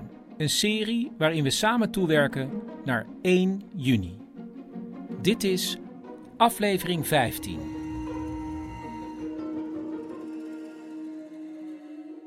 De dag van vandaag. Paulien, ik heb wat dingen, eh, eigenlijk maar twee dingetjes opgeschreven. Ehm, nou, vertel die dingetjes dan maar. Nou, ik, ik kijk heel veel, dat weet je, teletext. Ja, daar snap ik niks van, maar goed, ja. Ja, en er werkt één iemand bij teletext en die houdt heel erg van caps locks, dus van grote letters. En vanmorgen stond er weer in hele grote letters: CPB vreest diepe recessie. En dan een half uur later zijn die caps locks verdwenen. Dat is heel vaak. En dan denk ik, zou er een soort man werken, weet je wel, Frits, die altijd met hele grote letters schrijft. En dan is er iemand, nee, nee, niet zo, want dan is weer, dat is niet goed, want dan raken mensen in paniek. En dan moeten er weer kleine lettertjes komen. Maar voor mij is altijd de lol om Maar- te oh, zien, maar- er staan nu grote letters, dus over een half uur zijn het ze weer klein. Ja, en, is, en misschien dat iemand ook weet wie die medewerker dan is. De Ja. caps lock medewerker. Ja. Als we daar wat inside information over zouden kunnen krijgen, zou wel fijn zijn Ja. in deze periode. Ja. Ik vind het ook heel, heel veel moet je gewoon afsluiten sowieso met in deze periode. Ja. En ik was vandaag met Wiek in het park. Mhm. eh, in een soort bosstukje met kleine paadjes. En het viel me toen op. Toen liep Wiek voor mij en toen was het bijna een soort Pac-Man. Want we konden dan niet de paadjes oplopen waar al mensen waren. Dus we moesten elke keer, ging Wiek voor, elke keer moest hij zien... Oh nee, we kunnen niet naar links, want daar zijn mensen. En dan moesten ze naar rechts. Moesten we naar rechts. Ja, vond ik wel leuk. Ik heb vandaag ehm, iemand. eh, Ik was even fietsen met Wiek en toen kwam er iemand eh, naar mij toe en die zei: Weet u hoe laat het is? Ik snap niet waarom je dat in deze periode nog wilt weten, want alle tijd is verdwenen, wat mij betreft. Maar goed, dat wilde zij. En toen kwam ze, wat mij betreft, te dichtbij. En toen heb ik op een soort van, ja, koninklijke manier gezegd: beetje afstand. En toen heb ik de tijd verteld. Heel goed. Brengt mij ook op het volgende. We Mm. moeten eh, de kwetsbare ouderen ontwijken. Op straat ook doe ik Ja. dat. En wat ik ook doe, pubers. Pubers ontwijk ik ook. Want die zie ik voortdurend nog aan elkaar kleffen. Ja. Ik heb nu voor me voorgenomen, laat ze gaan. Ik ontwijk ze gewoon. Ik heb wel dat als ik een kwetsbare oudere ontwijk, dat ik probeer zo vriendelijk Ja. toe te knikken. Dat is wel belangrijk. Dat is wel belangrijk. Krijg ik daar respons op van de kwetsbare ouderen? Nee, Soms wel. ik weinig. Maar goed, boeien. Gaat niet om. Nee, precies. Eh, er was gisteren door mij aangekondigd dat eh Wiek weer een weetje heeft. En ik moet wel even zeggen, eh, het moet wel uit Wiek zelf komen. Dus af en toe vraag ik, heb je een weetje? En vandaag zei hij, ik heb een weetje. Ja. Dus dat heb ik toen opgenomen. Leuk. We gaan beginnen. Een beetje van Wiek. Ja, ja ik, heb hem, ik neem dit even op op mijn telefoon in het park waar we aan het voetballen zijn. Ja. En we staan even uit de wind. Zeg Ja. het maar. Ik ga vandaag vertellen over begin. Over beginnetjes. Ik ga nu beginnen. Het begin van de zomer is de lente. Maar het begin van de winter... Na de winter komt de lente en dan is het begin van zomer. Maar dan voor de winter, de voorbereiding daarvan, is de herfst. En de voorbereiding van een kat, een grote kat, is een klein babypoesje. En de voorbereiding van een boom is een zaadje. Was dat het weetje van Wiek? Ja.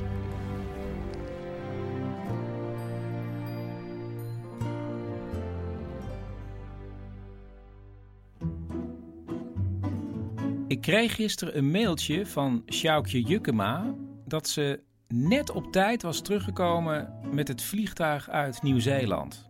Dus ik dacht, ik bel er even. Wanneer kreeg je door dat je misschien terug moest? Ik, eh, nou ja, ik, ik zag natuurlijk wel eh, af en toe wat nieuws eh, van wat er in de wereld gebeurde. En toen ik wegging in Nederland, begon het hier net eigenlijk erger te worden. Maar dat, eh, dat ik echt terug zou moeten, dat hoorde ik eigenlijk van mijn reisorganisatie die een mail stuurde van... eh, het is verstandig om nu terug te komen nu het nog kan. En ja, dan sta je natuurlijk voor een eh, vraag van wat doe ik? En ja, eerst dacht ik nog, ja, ik heb nog twee weken, dus misschien kan ik over twee weken ook wel teruggaan. Maar het, ja, het advies was zo dringend op een gegeven moment. Eh, nou ja, het kon best wel financieel een probleem aan gaan worden. En ook eh, verzekeringstechnisch. Dus nou, toch maar de knoop doorgehakt. En gedacht, ik moet toch maar teruggaan. Nu had haar reisorganisatie een link gestuurd waarop ze een ticket zou kunnen boeken. En dus had ze er snel op geklikt. Daar, daar zaten eigenlijk nog maar heel weinig tickets. En de tickets die er waren, die gingen via ik weet niet hoeveel overstappen. Als ze niet al te duur waren. En anders dan waren ze, nou, er waren echt bij van 8000 Nieuw-Zeelandse dollars. Dus Hoeveel euro is dat? ja, dat, dat is ongeveer de helft, zeg maar. 4000 euro. Dat, eh, nou ja, goed, dat, dat, en dat kon ik natuurlijk niet eh, opbrengen. Dus dat eh, werd wel een probleem. Dus gewoon ja, het eerste beste kaartje wat ik kon krijgen, heb ik ge- gereserveerd toen eh, via die site. Maar vervolgens lukte de betaling niet.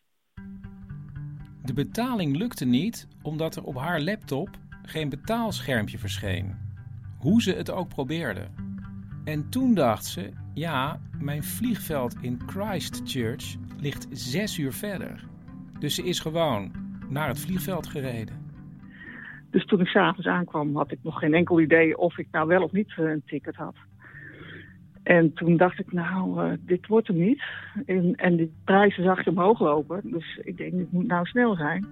Maar wat ze ook probeerde daar in Christchurch, het lukte niet.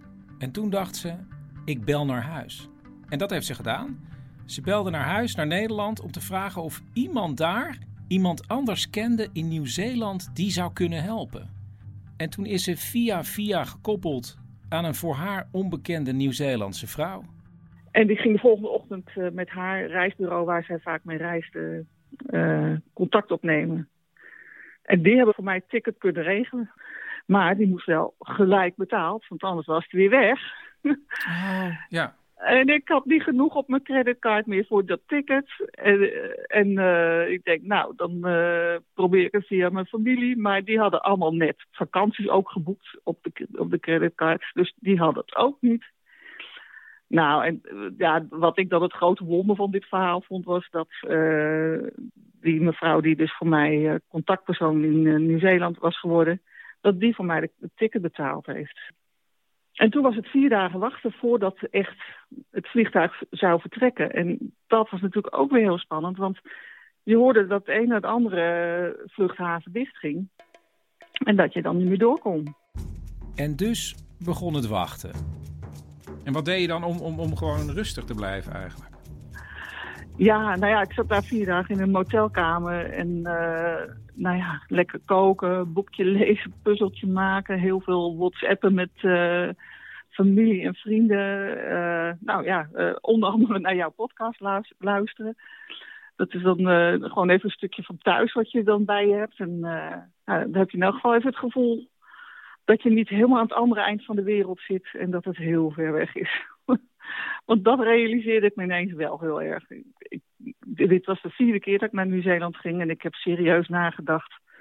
Na de tweede keer van zou ik hier willen wonen. Ook nog naar gekeken wat, wat voor stap je moest doen. Maar uh, nou, nu in deze situatie wist ik ook weer van... ja, als je daar dan zit, zit je wel heel ver van je vrienden en familie... en alles wat je lief is. En uh, dan ben je toch blij dat je terug kan naar Nederland, hoor. Dus dat verhuizen naar Nieuw-Zeeland, dat zit er even niet in? Nee, dat, uh, dat gaat hem niet worden, nee, nee. Na vier dagen wachten kon ze eindelijk op weg. Ze begonnen met de binnenlandse vlucht eerst. Nou, dat was sowieso geen probleem. Van Christchurch naar Auckland. En toen bij Auckland naar de internationale vertrekhal. En uh, daar kwam je ook niet zomaar in. Je moest echt een, een ticket hebben die naar een plaats ging waar ook inderdaad de luchthaven nog open was. Dan mocht je er binnen. Ja, en dan, uh, toen had ik nog dus een hele lange wachttijd. Tot uh, vier uur s middags pas vertrok het vliegtuig. Terwijl ik om half elf uh, s morgens al aankwam vanuit Christchurch. En dan zit je te wachten en dan zie je die borden in de hal. En je ziet af en toe cancelled, cancelled. En ik denk, oh, het is nog steeds geen inchecktijd. en zo werd het half twaalf, twaalf uur, half één, één uur. Nou, om half twee eindelijk, ja hoor, klaar voor uh, check, inchecken. Nou, ja, en dan denk ik, oké, het gaat door, het gaat door, hè. En dan, uh, ja, er werd alle omgeroepen dat je een, uh, een social distance moest houden van één meter. En dan sta je daar met ik weet niet hoeveel mensen, dus je probeert een beetje afstand te houden. Maar ja, bijna onmogelijk al in die hal. Toen dan eindelijk ingecheckt door de douane. En dan zit je achter de douane nog te wachten tot die eindelijk gaat. Ja, en dan stap je het vliegtuig in waar je allemaal proppievol naast elkaar zit. Dus niks social distance. En, uh, maar goed, je bent blij dat je er zit. En dan na 19 uur is ze in Dubai. En daar moet ze nog de laatste vlucht naar Amsterdam nemen. Op zich, uh, ja, weer een bomvol vliegtuig. Um, dus je zit echt bovenop elkaar. En als er dan iemand achter je rugje doet, dan denk je al van, oh nee. Hè. Ja, ik voelde wel onveilig in de zin van, uh, ja, ik denk, ja, mensen komen nu overal vandaan. Dus ze zijn allemaal hartstikke besmettelijk waarschijnlijk wel. Dus uh, dat voelde dan niet zo fijn. Maar ja, goed, je, je kunt er niet onderuit. En uh, dus, nou, vliegen, vliegen, vliegen. Gelukkig was dat laatste stuk uh, dus niet zo lang uh, naar Nederland. Het uh, was zes uur vliegen. We hadden denk ik ook nog niet mee, want we waren een uur eerder dan gepland. En ja, toen landen we en toen kreeg je toch inderdaad wel dat iedereen met elkaar aan de praat ging van... Hé, gelukkig, het is gelukt. En nou ja, dan hoor je van, staat er op jou iemand te wachten of hoe ga jij terug? En ja, ik dacht ook van, ik ga maar met de trein. Want ja, als ik het aan, aan familie en zo moet vragen die, die eigen bedrijven hebben en die in de zorg werken en dat soort dingen, die wil ik daar niet uh, mee belasten met mijn mogelijke besmettelijkheid. dus ik ben toch met, uh, met de trein gegaan. Ja. En nu heeft Sjoukje besloten om uit voorzorg de komende twee weken zoveel mogelijk binnen te blijven.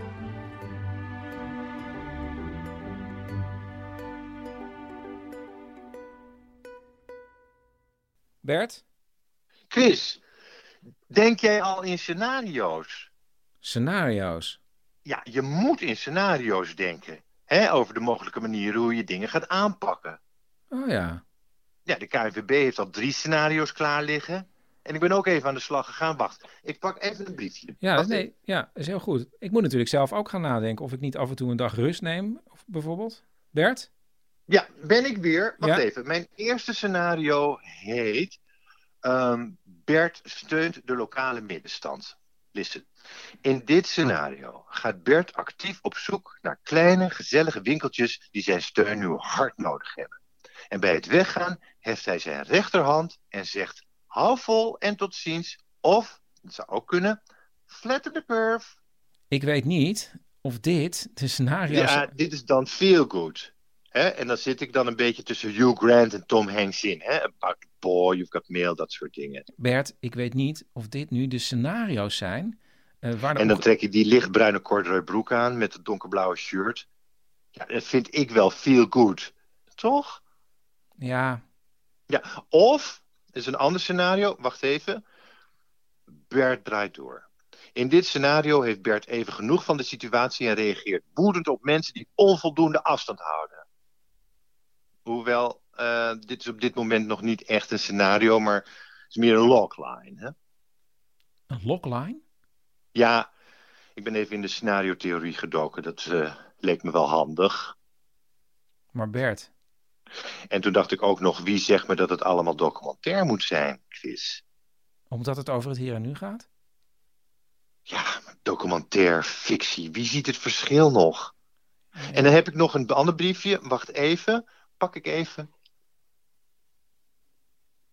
Bert? Ja. Dit is tot nu toe het eh, scenario wat, ik het, eh, wat het meest is uitgewerkt. Hele nacht op gezeten. Pff. Het heet Bert en de UFO. Listen, in dit scenario landt er in de tuin van Bert een knalgroene UFO... waar twee fel oranje wezentjes uit komen waggelen. Ze vragen Bert om hulp bij het redden van de Bert. planeet. Ja. Bert schrikt eerst, wacht even, maar ziet ook vrij snel dat het hele lieve wezentjes zijn. Bert? Ja? Ik krijg een wisselgesprek. Oh, opnemen. Dat kan belangrijk zijn. Succes ermee. Gaat lukken.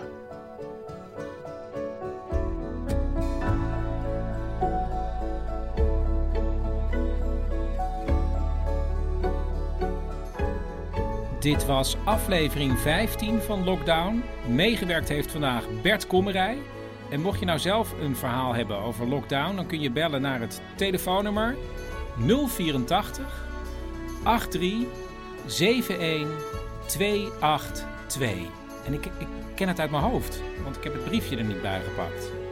Ehm, nou, volgens mij was dit het. Ja, ik zou zeggen, slaap lekker. Tot morgen. Of nou ja, voor als je dit heel laat luistert. Anders, goedemorgen.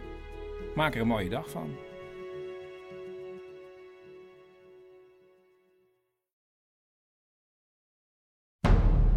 Man met de microfoon presenteert Lockdown. Een serie waarin we samen toewerken naar 1 juni.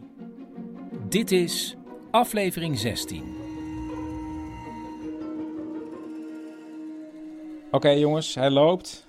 Dit eh, is de inleiding van aflevering 16 en ik wil het niet heel lang eh, maken. Dus we moeten even... ja, omdat jij altijd zegt, Paulien, ja, het kan me niet lang genoeg duren. Nou, het- Dat zeg ik niet. Ik zie alleen, als jij, heel vaak als ik praat, zie ik jou op het metertje kijken van hoe lang duurt dit. Ja, ik hou van een korte inleiding. Maar eh Wiek ligt nu te slapen. We hebben net de laatste aflevering gezien van De Wereld Draait Door. Waar ik een mooie opmerking zag van Eberhard van der Laan. Die ik even wil zeggen nog. Wat is er mis met aardig zijn? Vind ik ook, eh, kunnen we ook even meenemen. Maar ook belangrijk is dat mijn puberzoon Steun... 15. En Joep... 17. Die zijn weer thuis. En Pauline is natuurlijk ook. 44. Ja. En ehm, ja, ik zat te denken, wat wil ik zeggen? Ik heb niet zoveel te zeggen. Ik ben vandaag in het park geweest met Wiek. Heerlijk in het zonnetje gespeeld. En eh, een interview gehouden wat jullie zo meteen te horen krijgen.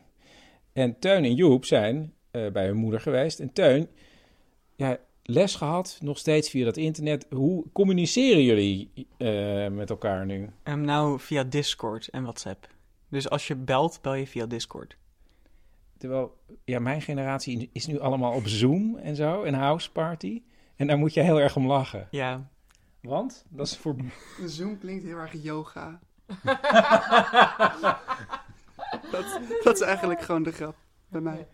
Ja? Ja. Skype kan nog wel, maar Zoom is gewoon... Ja, ik weet niet. Het klinkt veel te yoga.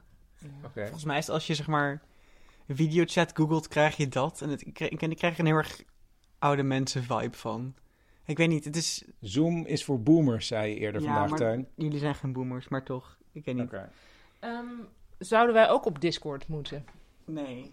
maar Discord is gebouwd om gamers. Ik vind het zelf best wel cringy. Want er staan allemaal van dat soort grappige zinnetjes en zo. En hun Ja, terms dus en nu dingen. begint het mij, zal ik maar zeggen, al te lang te duren. Want Discord, Ja. dit, Ja. hier haakt mijn luisteraar bij af. Wat ik belangrijk vind, is Teun, is er iets veranderd in je leven... nu je op andere manieren aan het communiceren bent? Dus je ziet niet meer je medescholieren. Ga je nu met andere mensen om? Of zie je andere mensen op je kanaaltjes weer? Ehm, ja, ik heb ehm, mijn vriend Liam van het, van het vierde, ehm, die ik al een tijd niet had gesproken, die, die spreek ik nu weer. Dus ik, ik heb oude vrienden van, eh, die spreek ik weer, omdat ik genoodzaakt ben Ja, te dus je, bent- communiceren. je bent geswitcht uit van school en nu heb je dus weer contact met Ja. eh, oude scholieren. Ehm, nou ja, en Joep, 17. Jij speelde vroeger als kleiner kind heel veel Minecraft. Dat is een computerspel. Wat iedereen wel kent. Ja. En nu opeens? Maar ik speel het, ja, nu speel ik het weer. Maar dat doe ik sowieso al soms. Soms val ik terug op Minecraft. En, maar dat doe je nu met eh, meer mensen van school. Ja. Je wou het volgens mij in algemene zin hebben over Oh. regressie. Oh ja. Ja, in algemeen. Ja. Ja, nee. Maar ja, ik grijp ook heel erg terug nu als ik naar Spotify luister naar nummers uit mijn jeugd. Precies. Ja. Ik dacht, ik heb het niet. En nog geen tien minuten nadat ik had gezegd, eh, ik heb dat niet, zat ik filmpjes te kijken van Droog Brood. Mijn favoriete cabaretduo aller tijden. Eh, en gewoon heerlijk naar Oeneroenoniniminux te kijken. Ja, ik zie Joep ook al meteen lachen. Droog Ja. brood is ook jouw favoriet, hè? Ja, een soort van. Ja, je kan ook Oeneroenoniniminux zeggen. Oeno- Oeno- Oeno- Oeno- Oeno- Mag je het even goed zeggen dat ja. je het erin edit? Ja. Oeno- Oeno- Oeno- Lux. Heel goed. Ehm, is er nog iets wat jullie kwijt willen voordat we naar mijn interview gaan? Moet ik even zeggen dat Suzanne, de baby, eh, is nog steeds in Suzanne. Ehm, het is heel... Wat leg ik dat plastisch uit? Ehm, eh, het is heel spannend, want er is eh, een kans dat de man van Suzanne er wel bij kan zijn... als hij op tijd een uitslag heeft van een bloedonderzoek... waaruit zou moeten komen dat hij geen corona heeft. Maar dit is echt een soort race tegen de klok... of die uitslag er eerder is of die baby. En jij staat nog steeds paraat. Ik sta paraat. Oké, dan kan ik het ook misschien nog met jou samen over hebben. Want wij hebben de eerste bekende eh, met corona in onze omgeving. Ja, nou, twee bekende. Ja. Paul en Ellen hebben het, ja. Paul en Ellen hebben corona. eh, en eh, al best wel lang. Maar ze maken het wel, ze zijn dan de betere in de hand. Ja, maar dat horen de mensen van, Oh. vanzelf. Want we gaan nu luisteren naar het interview wat ik heb gehaald. Gehouden. Hè, ik, het ging heel goed. Heel goed. Gehouden. Gehouden. Oh, ik zei het goed. Ja. Oké, dan gaan we nu luisteren. Maar dat is raar? Interview houden. Ik hou een interview. Nee, gemaakt. Oké, nou, we gaan luisteren naar het interview. Ik vind dit te lang duren. Dit duurt te lang. Oké. Nee, nou, Oké, we gaan er gewoon naartoe. Ik belde dus vanmorgen met Ellen de Bruin en Paul Steenhuis. En ze zijn allebei journalist bij NRC Handelsblad. En zijn nu al meer dan twee weken thuis. En ik spreek eerst met Ellen en vraag hoe het nu met ze is. We hebben volgens mij het ergste gehad. En eh, ik heb wel een beetje een eh, bijzondere stem.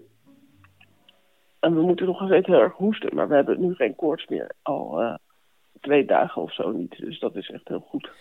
Weet je, ik pakte even mijn telefoon erbij. En het laatste wat wij gewhatsappt hebben was op 15 maart. En toen eh, schreef je... Ja, Paul heeft sinds gisteren 38 koorts. Maar dat lijkt alweer te dalen, gelukkig. Toen begon het? Eh, ja, volgens mij 13 op 14 maart, dus die vrijdag op zaterdag, toen, eh, toen begon het. En ja, het lijkt alweer te dalen. Dat was toen inderdaad, maar het, het ging de hele tijd heen en weer. Dus dan dacht je dat het beter ging, maar dan werd het toch erger. Maar kun je een beetje omschrijven hoe het begon? Want is het echt... Zijn die ook getest, of niet? Nee, Paul heeft die app gedaan van het OLVG. En daar, eh, dan krijg je dus een reactie en dan ze- zeggen ze het is waarschijnlijk corona. Maar we hebben natuurlijk geen test gedaan. Daar hebben ze helemaal geen capaciteit voor. En wij zijn verder ook gezond. dus ze gaan echt niet een, eh, een dokter naar ons sturen of zo. Of een, of een test doen. Dat is allemaal eh, dat, eh, dat is gewoon veel te veel werk. Als, we, als wij nou een risicogroep waren. Maar we zijn gewoon verder gezond. En hoe begon het? ja, hoe begon het met keelpijn, denk ik. Ik weet het niet zo precies meer, weet jij het nog? Keelpijn en een vervelende kuch.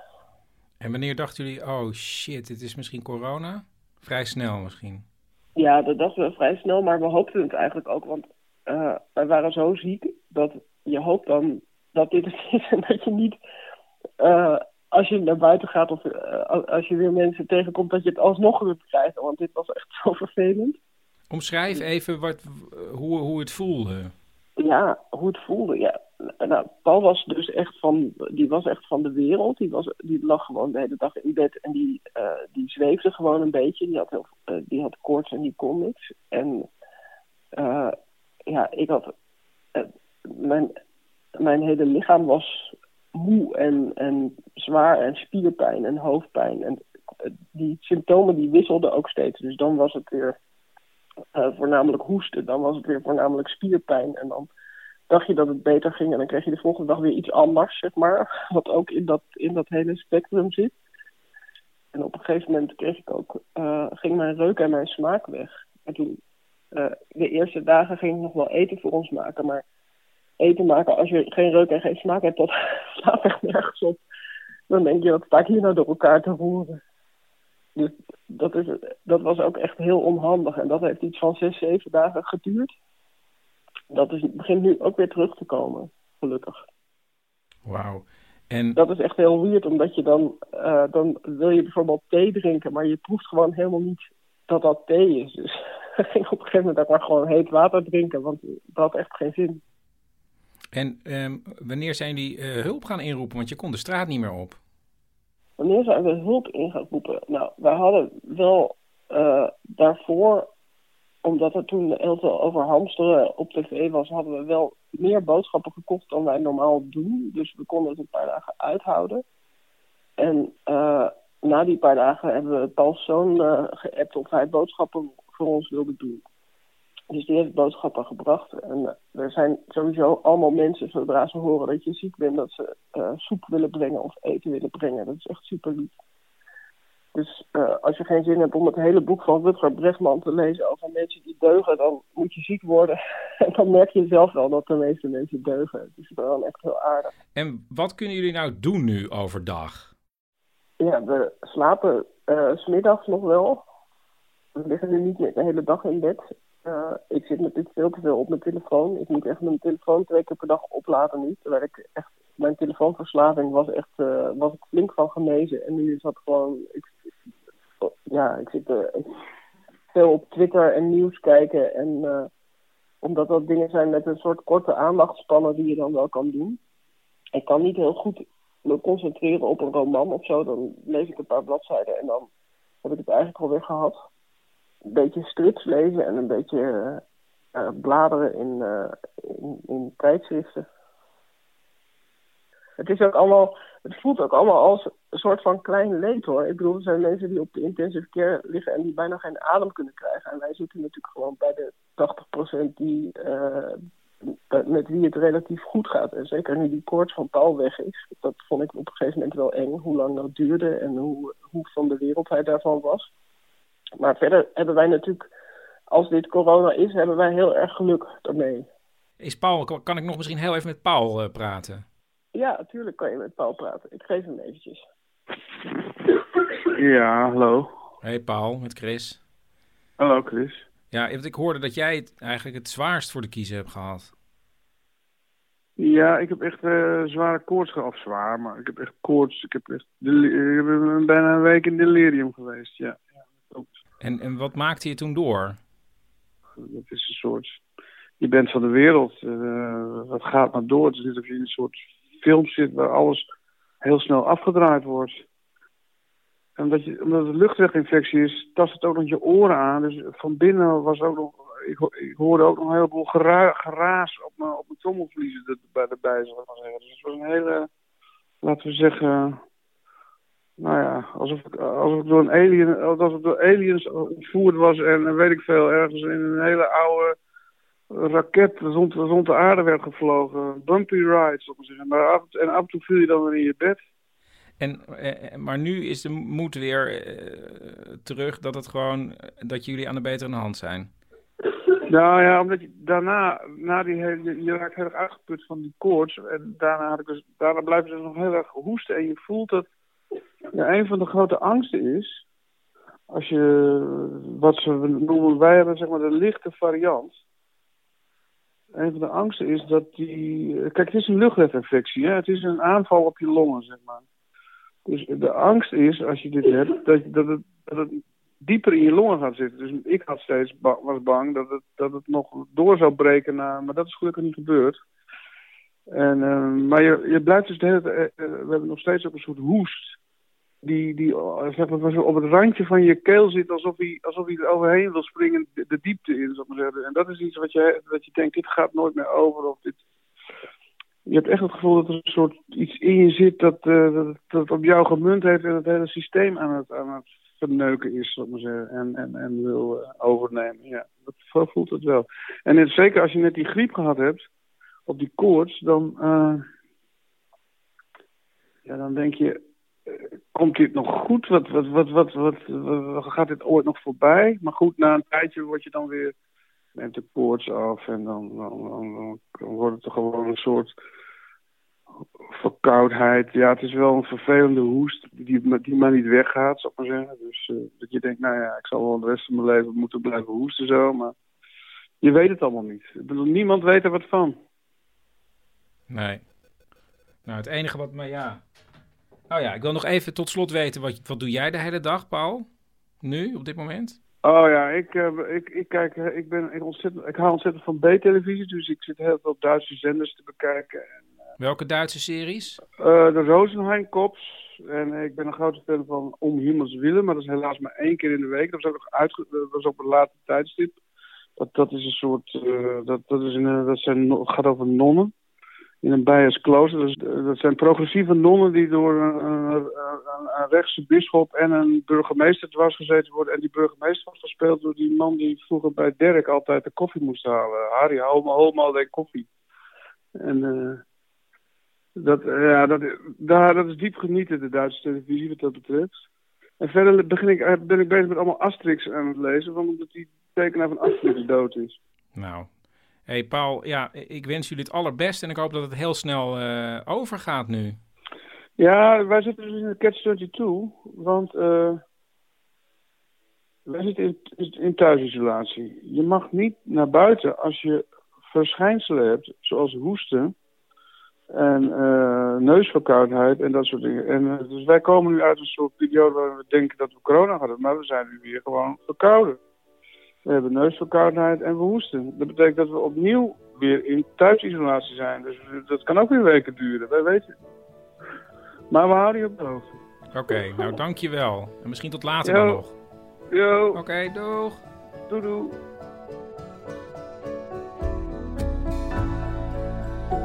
Dit was aflevering 16 van Lockdown. Als je een eigen lockdown verhaal hebt, ben je ooit ingesloten geweest of opgesloten of buitengesloten, bel dan drie woorden door naar 084 83 71 282. Het staat ook gewoon in de show notes hoor.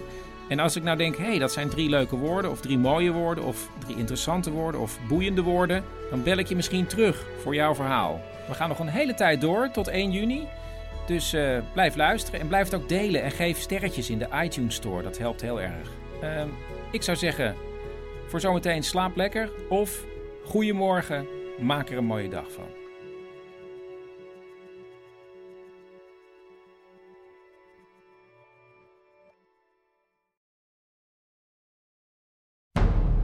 Man met de microfoon presenteert Lockdown, een serie waarin we samen toewerken naar 1 juni. Dit is aflevering 17.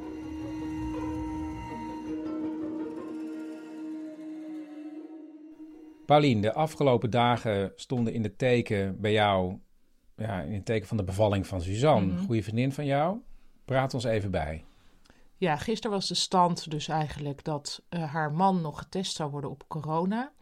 Um, en dat was heel spannend, want kwam die uitslag van die test dan eerder dan de baby zelf? Als hij namelijk geen corona had, dan zou hij mee kunnen naar het ziekenhuis. Wat natuurlijk de ideale situatie was. Echter, om tien uur kwam die uitslag en nou bleek dus dat hij dus toch corona heeft. En ik zeg er meteen bij, niet ernstig. Um, op zich maakt hij het prima. Maar ja, dat is natuurlijk onder deze omstandigheden niet aan de hand dat hij mee het ziekenhuis ingaat. Dus ik ga nu sowieso mee. Um, uh, en dan uh, krijg ik extra beschermende kleding en al het verpleegkundig personeel ook. Uh, voor het geval dat Suzanne het ook heeft, maar asymptomatisch. Dit is wat ik er nu van, van weet. Dus ja, we gaan er gewoon het beste van maken. Hoe ziet het eruit? Want jullie hebben afgesproken om drie uur bij het ziekenhuis. Ja, we hebben vanmiddag afgesproken bij het ziekenhuis. Uh, en dan moeten we afstand houdend naar binnen, waarbij ik de maxicosi niet aanraak. Dan gaan we met afstand naar de plek waar ik dan beschermende kleding aankrijg en zo. En vanaf dat moment kan ik weer wel dichter bij haar komen. Het was dus even wachten tot Paulien smiddags naar het ziekenhuis zou gaan. En dan hebben wij even tijd voor drie woorden. Die waren ingestuurd door Chantal Saba. Namelijk de woorden India, staking en Britney Spears. Nou, die heb ik even gebeld. Hallo, met Chantal. Hey Chantal, met Chris. Hey, hallo. Het is zo makkelijk om nu op tijd te komen op afspraken. Ja, dat, dat begrijp ik. Ik zat ook echt naast de telefoon. Ik dacht, die zal wel stipt uh, tien uur bellen. Ik loop heel even naar boven, want ja. uh, wij waren ook even met een regressiesessietje bezig. Wat waren jullie aan het doen? Je had het toch over die regressie, dat je allemaal dingen van vroeger weer uit de kast haalt? Ja. Ja, wij zitten dus allemaal oude plaatjes te luisteren. Wauw, en wat luister je op dit moment? Wat was het laatste plaatje? Uh, nou, een hele oude Beatles LP van mijn moeder. En ik zei, ik weet dus precies welk... Uh, ik, ik ken de hele playlist. Want vroeger kon je natuurlijk niet shuffelen met, ja. uh, met LP's. Dus ik weet precies welk nummer er hierna gaat komen. Ja, oh, je valt even weg. Oh, sorry. Ja, ik weet ook van bepaalde LP's inderdaad dat je al het volgende nummer kan gaan neurien. Dat is ook een soort uitdaging, of je het dan nog goed hebt na al die jaren. Ja, precies. Maar het ja. lukt jou nog steeds? Ja, nog steeds. Maar dat, dat wist ik dus niet van tevoren. Dus aan het einde van het nummer dacht ik, ah ja, hierna komt deze. En uh, ja, dat bracht me toch wel weer even terug naar, uh, naar vroeger. Hoe mijn moeder dan in het weekend die plaatjes uh, opzette. Oké, nou, maar goed, we moeten natuurlijk ook gaan naar het verhaal. ja, meestal zeg ik gewoon, ja, vertel. Um, in 2007 was ik in India met mijn toenmalige vriend. En wij hoorden eigenlijk al van vrienden allemaal waarschuwingen van laat je niet oplichten, want dat scheen daar om de haar verklapt te gebeuren. En wij waren op het treinstation in Mumbai en wij probeerden een buskaartje te kopen om naar een andere grote stad te gaan. En um, we stonden daar in een hele lange rij. En ik denk dat je het een beetje kan vergelijken met wat in, in Nederland een perronopzichter zou zijn. Die kwam naar ons toe en die zei: uh, Volg mij maar, uh, deze reis is veel te lang. Uh, ik ken wel een loketje waar het wat sneller gaat. Nou ja, eigenlijk hadden we toen al kunnen bedenken dat dat misschien niet zo'n goed idee was. Maar we zijn de man uh, braaf gevolgd. En ehm, we kwamen bij een loketje. En daar werd ons een uh, busticket verkocht. Met allemaal mooie foto's van een gestroomlijnde bus met airconditioning. En je kon daar dan ook in slapen. Dus we hadden zoiets van, het is een hele lange reis, dus laten we dat maar gewoon doen. Gelukkig bleek de bus ook echt te bestaan. Alleen, het was echt een hele oude, krakkemikkige bus. En die zat dus helemaal volgepakt uh, met uh, Indiase gezinnen.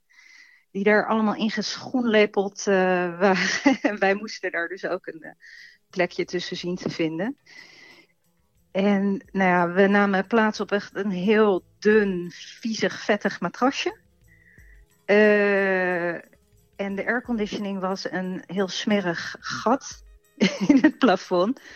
Waar ja, echt een soort orkaankracht uh, koude lucht uh, uitkwam. Maar goed, het feit dat de airco het deed, betekende ook dat de bus aan het rijden was. Ik voelde me steeds ellendiger worden en um, ik dacht, nou ja, ik moet maar een beetje afleiding zoeken en gewoon naar buiten kijken. En uh, toen bemerkte ik ook dat uh, ik naar de wc moest. En ik dacht, er zal wel geen wc zijn uh, in de bus. En ja, als die er is, dan denk ik niet echt dat ik daar naartoe wil. Na een paar uur rijden staat de bus opeens stil en grijpt Chantal haar moment. Ik ging de bus uit en naast mij was een kaal landschap, helemaal vlak. Dus nergens waar ik even snel naar de wc kon. En ik zag dat, nou ja, tot zover het oog reikte dat er een file was. Dat dat de reden was waarom we stil waren gaan staan. En ik zag een soort grimmige, boze mensenmassa op, uh, langs de andere kant van de weg, waar we dus stil stonden. Maar toen die mensenmassa mij uh, in het uh, vizier kreeg, toen dacht ik, ik denk dat ik weet hoe Britney Spears zich voelt als ze haar huis uitstapt. Want alle ogen waren op mij gericht en ja, ze kwamen als een soort van, ja, zo'n soort zombie-apocalypse kwam iedereen op mij afgewandeld. En dat hadden ze eerder die reis ook al gehad. Hoewel Chantal half Libanees is en donkere ogen heeft en donker haar, zagen ze meteen allemaal elke keer dat ze westers was. Ze vinden het gewoon eindeloos fascinerend. Ze willen je aanraken, ze willen met je op de foto, ze vragen of ze je e-mailadres mogen. Alsof je een celebrity bent. Ze konden het ook niet goed uitleggen. Ze zaten gewoon heel starstruck naar je te kijken. Maar goed, dat waren meestal een paar mensen. En dit was een hele grote groep die achter haar aankwam. En ze zocht naar een wc. En die vond ze op een gegeven moment, ja, het was een heel klein hokje. En ik deed de wc-deur open en um, zag een soort van laag drek op de grond met een gat in de vloer. En ik had slippers aan en ik dacht, nou ja, ik heb twee opties. Of mijn blaas breekt of ik moet gewoon naar deze. Uh, ik, ik moet me hier gewoon aan onderwerpen. En uh, dat heb ik dus gedaan. Toen zo snel mogelijk weer de bus ingestapt. Nou, godzijdank bleek daar een man te zijn voor in de bus die Engels sprak. Een beetje. En die kon ons uitleggen van er is een staking gaande. landarbeiders die zijn boos op de overheid. En nou ja, dit is India. Dus get comfortable, want dit kan echt nog wel een tijdje duren. En we zijn maar gaan, uh, gaan zitten. Het, uh, het, de doek waarmee ik uh, het, het, matras, het vieze matras had afgeschermd, heb ik om mijn hoofd geslagen. ik heb mijn zonnebril opgedaan en we zijn gewoon blijven zitten in de, in de cabine. En we hebben daar ongeveer in totaal 24 uur in vastgezeten. Oh ja, 24 uur zonder airco, want de bus stond stil. We hadden wel een reddende engel. Uh, die man, die dus wat uh, Engels sprak, die zei tegen ons... Um, als wij vannacht aankomen in die uh, grote stad waar we nu naartoe rijden... dan is het niet handig als jullie daar als toeristen met z'n tweetjes uit de bus stappen. Hebben jullie iets geregeld? En eh, we zeiden, ja, nou ja, we dachten gewoon met openbaar vervoer naar, eh, naar een hotel te gaan. En hij zei, ja, dat gaat denk ik niet werken. Ik, eh, ik ga iemand die ik ken in die stad bellen. En dan ga ik ervoor zorgen dat hij klaar staat voor jullie. Dus ja, je, je moet eh, ja, zo'n man dan op zijn woord geloven. Want ja, ik dacht misschien heeft hij dan weer een of ander iemand geregeld. En dan je, ben- je bent constant op je hoede of je dan opgelegd gaat worden of niet. Ehm, maar eh, tot onze verbazing stond daar gewoon een auto met een man die eh, ja, daar speciaal voor ons eh, naartoe gereden was. Die heeft ons eh, naar een hotel gebracht. En ehm, wij eh, moesten hem nog ervan overtuigen dat hij gerust ons geld mocht aannemen, want hij wilde er eigenlijk niets voor hebben. Wauw. Ja. Dus ja, dat is misschien ook een beetje in deze corona-quarantaine-tijd toch een beetje de moraal van het verhaal. Dat je wel elkaar nodig hebt. En dat dat eh, ja, toch wel de manier is waarop we er eh, doorheen eh, moeten komen met z'n allen.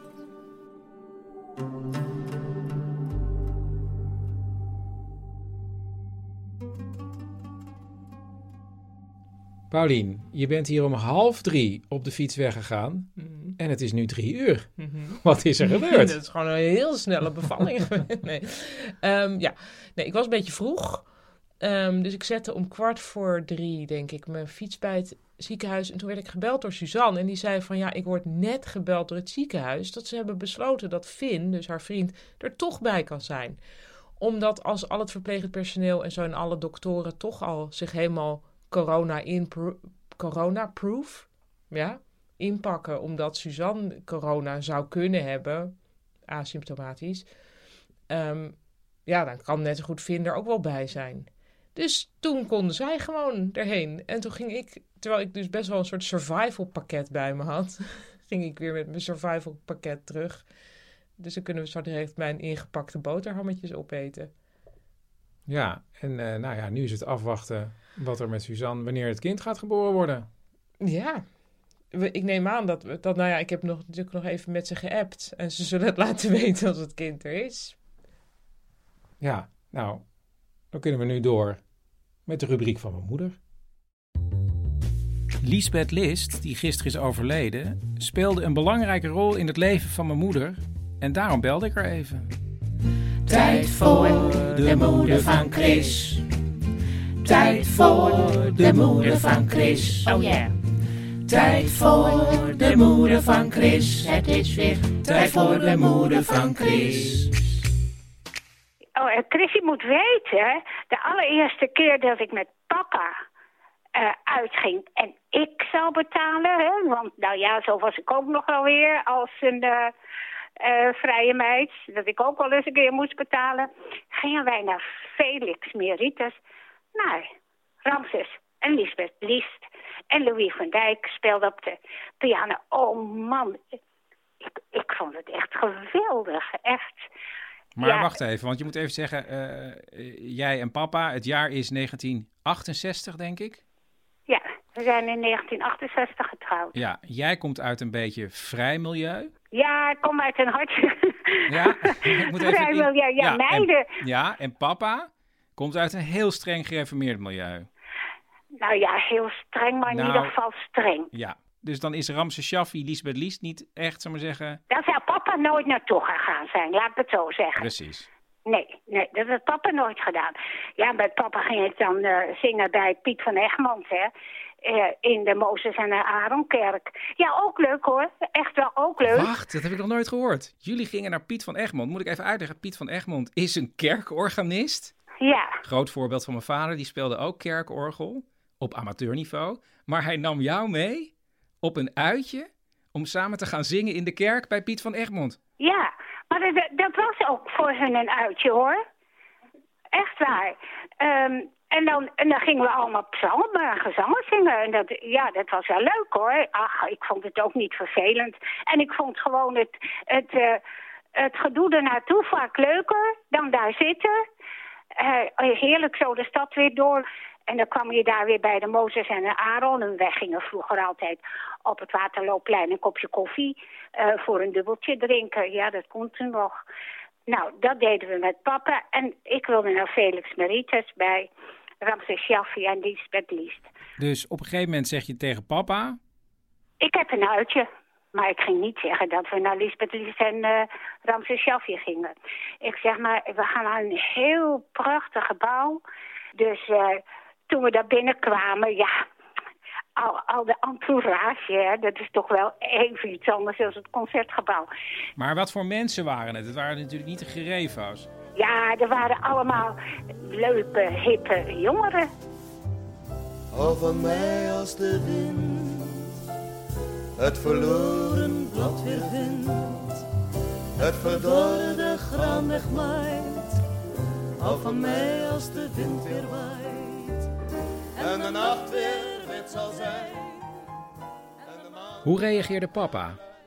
Nou, uh, het is wel in ieder geval niet iets geweest dat hij later zei... Goh, zullen we nog eens naar uh, nou, een of andere zanger gaan of zo? Hè? Of nog eens naar Ramses Selfie en Lisbeth List. Nee, nee dat, in, in wezen was het niks voor papa. Ik denk dat hij het... Uh, later zou zeggen, uh, misschien wel van... nou, dit was eigenlijk een beetje mijn tijd uh, niet nuttig besteden. dat kon hij ook zo zeggen. nou ja. Maar hoe heb jij ervan genoten? Vertel jij eens. Ja, ik heb genoten. Ik heb natuurlijk genoten. Tuurlijk. Uh, ja, maar ik, ik, kon ook van Martine Bijl genieten. En ik had ook de platen van Martine Bijl. En, en ik had van Lisbeth Lietz en Ramses Jaffe de platen. Ik had op mijn meisjeskamer had ik een kleine pick-up. En er gingen vaak uh, nog plaatjes draaien voordat ik slapen ging. Nou, en daar waren geen gezang en zangen bij. Nou, je hebt hem, eigenlijk heb je papa voorzichtig steeds meegesleept... meer en meer naar theater en ballet en dat soort dingen. Ja, oh, ballet. Ik, ik vond ballet fantastisch. Nou, en daar heb ik Giselle, Doornroosje, de Sneeuwkoningin. Oh, ik heb, oh, fantastische dingen heb ik allemaal gezien. Maar dat wilde ik ook aan papa laten zien, hè. En uh, ja, die vond het uh, uh, ja, toch wel mooi. Want we hebben op het laatst namen we echt een abonnement op de opera. En op het ballet bij de Stopera. Dus dat hebben we heel vaak gedaan, ja. Dat is je dus wel gelukt? Ja, en dan vond hij het wel... ik, ja, het, ik, ik denk dat hij er ook van genoot. Ja hoor, zeker. Morgen komt de dag, morgen komt het ochtendblauw, morgen komt de zon. Nu weten de vaste luisteraars van mijn programma Man met de microfoon dat mijn vader Alzheimer heeft, maar dat hij wel dingen uit zijn vroegste jeugd herinnert. En dus vertelde mijn moeder het aan hem. Ja. En ze belde terug. Nou, moet je luisteren, ik vertel het even aan papa, hè, zo van het ballet en zo. Toen zei hij opeens zo, ja maar Ger, dat zat in het kastje van de zonde.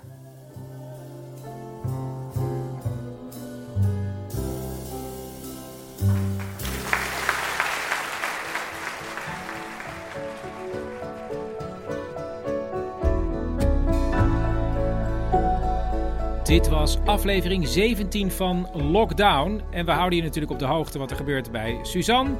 En uh, mocht je zelf een lockdown verhaal hebben, ben je ooit ingesloten geweest of opgesloten, bel dan drie woorden door naar 084 83 71 282. Ik zou zeggen, tot morgen. Slaap lekker. En uh, of. Ja, nee, wacht even. Ik zei, altijd iets heel goeds. Zoiets als slaap lekker en of maak er een mooie dag van. Goedemorgen. Oh ja, goedemorgen en maak er een mooie dag van.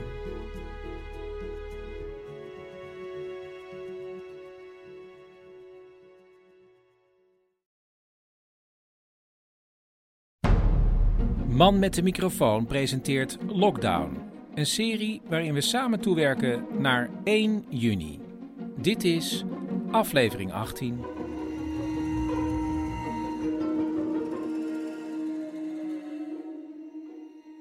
Pauline, ik ga even los met jou, want ik ga zo nog even met de jongens kort praten. Belangrijkste nieuws, meteen even zeggen. Suzanne heeft een baby. Het is goed gegaan. Ik heb een heel lieve foto gezien. En verder weet ik nog niks. Misschien later daarover meer. Dat was het gewoon, toch? Ja, nou heel blij dat het is gelukt en ze zijn thuis. Gaan we gewoon verder. Ik heb dus met de jongens gesproken, maar ik doe daar wel een voice-over bij. Ja, ik heb dus twee puberzoons, Joep en Teun van 17 en 15. En normaal zijn ze bij mij van woensdag tot woensdag en daarna bij hun moeder. Maar afgelopen week bij hun moeder, omdat ze daar betere en snellere computers hebben voor school. Maar ik begreep dat ze daar ook heel veel op aan het gamen waren. Dus eh, daar moet iets aan gebeuren. En ehm, ja, ze waren hier het weekend en ze voelden zich niet helemaal senang. Dus ik dacht, ik ga even vragen hoe het met ze is. Hoe vinden jullie zelf dat het gaat? Teun. Goed. Ik weet niet, het is, het is heel saai en stom. Om alleen te zijn. Met jullie. ik weet niet. Nou, maar zeg maar, ja, dat is de, je mist gewoon je, je, Ja, je vrienden. Ik mis iedereen. Het is saai om... Ja, gewoon saai. Oké. En Joep? Ja, ik was saai om gewoon de hele dag thuis te zitten. Jij werd, jij werd op een gegeven moment echt geïrriteerd. Hm? Jij was gewoon geïrriteerd. Ja, dat ik hier niks te doen heb. Maar wat heb je hier dan niet te doen? Gamen en met mensen praten. Omdat Discord meer internet nodig heeft dan wat hier beschikbaar is. En daar raak je gefrustreerd van. Ja. ja, ik weet niet, normaal zit ik wel met mensen te praten en dan nu een weekend lang niet. Dat is best irritant. En hoe vindt hij de nieuwe manier van school? Ik vind wel hoe ik nu les krijg irritant. Want? Ik moet meer huiswerk doen dan normaal. Omdat je normaal kan zeggen, ja, ik heb het gedaan. En nu moet je het ook echt inleveren. Ah. Je moet het opsturen. Ja. nu begrijp ik de frustratie wat beter. En omdat het over school gaat, dacht ik, ik bel ook even vandaag met een eindexamenkandidaat. Hallo, met Freddy? Ja, dit is eh Freddy Graaskamp en zij zit in 6 VWO op het Onze Lieve Vrouwen Lyceum in Breda. En zij doet dit jaar eh, de ene helft van de examen en volgend jaar de andere helft, toch? Ja. Omdat, moet je even uitleggen. Nou ja, omdat ik een botaandoening heb en daardoor kan ik niet fulltime naar school. Dus dit is de helft en dan volgend jaar weer. Ja, dus ik doe dit jaar vijf vakken en dan doe ik er volgend jaar drie. Maar ja, ben je nu geslaagd voor die eerste vijf vakken, vraag ik me af. Ja, ja, ik ga er eigenlijk wel van uit. Van wel, ja. En ja, hoe is dat dan nu? Het is op zich wel een gek idee, want je leeft natuurlijk zes jaar naar zeg maar de eindexamens. Het wordt dat heel groot gemaakt. En dan nu, ik was altijd heel erg zenuwachtig voor. En nou ik echt denk van ja, ik kan dit. eh, gaat het opeens niet door. Het is erg anticlimax. Ja, want ik zei ook nog, want ik, ik, ik ben natuurlijk dan zo'n opa op een gegeven moment die dan gaat zeggen, ja, maar ik vond het zo'n goede ervaring om dat examen te doen, want het was heel hard werken en dan die ervaring was ook zo, zo bela- belangrijk en die wordt je dan ook afgenomen. Ja, nou, dat hoor ik ook van meerdere vrienden van mij ook, die daar heel erg van balen. Ja, ik belde er zelf ook van. Ja, ik had, ik had, ik bedoel, als we volgende week waren, had ik, had ik het ook gekund. Maar het is meer dat je die toets maakt en dan ben je er echt klaar mee. En nou heb je toch niet het gevoel van, ben echt geslaagd of ik heb echt alles aan gedaan. Plus natuurlijk alle eindexamenfeestjes en gala en al dat soort dingen gaan ook allemaal niet door. Hoe is de sfeer in de klas als je contact hebt met elkaar? Ja, nou ja, sommige mensen zijn heel erg blij, want die hadden daar ja, heel veel stress over de eindexamens. Maar bij ons zijn gemiddeld de eindexamens makkelijker dan de schoolexamens. Ik bedoel, ik sta dan net een 8,4 of net een 6,3 Wauw. en die kun je dan toch nog nou ja, afronden. maar er zijn zoveel belangrijkere dingen op dit moment bezig, ehm, dat je het ook wel in perspectief kunt brengen, denk ik. Ja, maar ken je dus medescholieren die gewoon de vlaggen hebben uithangen? Ja, maar het is heel erg ongepast eigenlijk, vind ik zelf, om dan nu de vlag uit te gaan hangen. Terwijl heel veel mensen zoveel stress hebben of zo hard bezig zijn. Het voelt toch een beetje, ja, een beetje gek. Oh, Ook omdat je zeg maar de vlag, het is, het, je bent nu geslaagd door een negatief gevolg, zeg maar. nou ja, dus, Dus jij... ik weet niet, je mag het doen, maar ik zou het, ik doe het zelf niet in ieder geval. Hey, en allemaal dat soort plannen van, ja, maar na mijn eindexamen ga ik met die en die mensen op vakantie. Of dan ga ik een vakantiebaantje nemen. Ja, ik zou meteen na mijn laatste eindexamen zou ik de trein pakken. En dan zou ik eh, voor een, nou ja, een kleine week naar Parijs gaan met eh, mijn beste vriendin. Maar ja, dat gaat nu ook niet door. En eh, mijn vader heeft een camping. En nou ja, daar zou ik de hele zomer gaan werken. Maar ja, dat is ook maar de vraag of nog een deel van de zomer de camping überhaupt nog open kan. Dus ja, niemand heeft echt een plan B. Ik bedoel, wie kan dit voorspellen? Ik denk ook helemaal niemand. Maar... Dus het, is allemaal, het is allemaal wel heel gek. Je hebt elke keer ben je aan het leren en dan denk je, oh, maar dan uiteindelijk kan ik iets leuks doen. Of ik heb dit en dit gepland. En dan gaat het ook allemaal niet door. En wat is nu je plan B eigenlijk? Ben je nu heel snel een plan B aan het verzinnen? Ja, nou ja, ik ben nou aan het kijken eh, wat ik qua vrijwilligerswerk kan doen. Een mailtje naar het ziekenhuis gestuurd. En anders ken ik nog mensen die nou ja, met veel kinderen thuis zitten, maar ook alsnog moeten werken. Eh, dus ja, dan ga ik dat doen. Ik vind het wel prettig om mijn tijd wel nuttig te besteden. En eh, nou ja, voor de rest ben ik veel met open oma bezig. Die zit nu ook eh, thuis. Boodschappen doen en geruststellen dat het ook allemaal wel weer oké komt. Maar het zijn ook hele simpele dingen, zoals mijn oma heeft uitgroeid, zeg maar. Ze gaat elke maand naar de kapper. En van, dus wil ook weer niet helemaal grijs worden of half grijs. En dan belt ze mij daar dat soort dingen voor op. Om speciale haarverf of hoe ze dan thuis haar haar moet verven. Heeft ze ook nog nooit gedaan. Maar je hebt dus echt gefacetimed terwijl zij haar haar aan het kleuren was. Ja, nou ja, precies is het natuurlijk niet zo moeilijk. Maar als je... Kijk, voor mij is dat heel normaal. Maar voor mijn oma is dat alweer best wel een groot ding. ehm, om te doen. Omdat ze het altijd laat verven. En dan drie verschillende mensen doen dat allemaal. En dit en dat. Dus dan, oh, en doe ik het wel goed? En mijn oma is best wel, ja, best wel een zenuw, zenuwpees. Dus het is, ja, het is ook wel weer heel grappig. En is het goed gegaan eigenlijk, dat verven? Ja, ja, nee, het heeft natuurlijk geen highlights of verschil in kleur. Maar ik vond zelf dat het er erg mooi uitzag. En bij deze toch, we maar zeggen, nou goed dat je zo hard gewerkt hebt dat je die eerste helft in jouw geval al achter de rug hebt. Ja, dankjewel.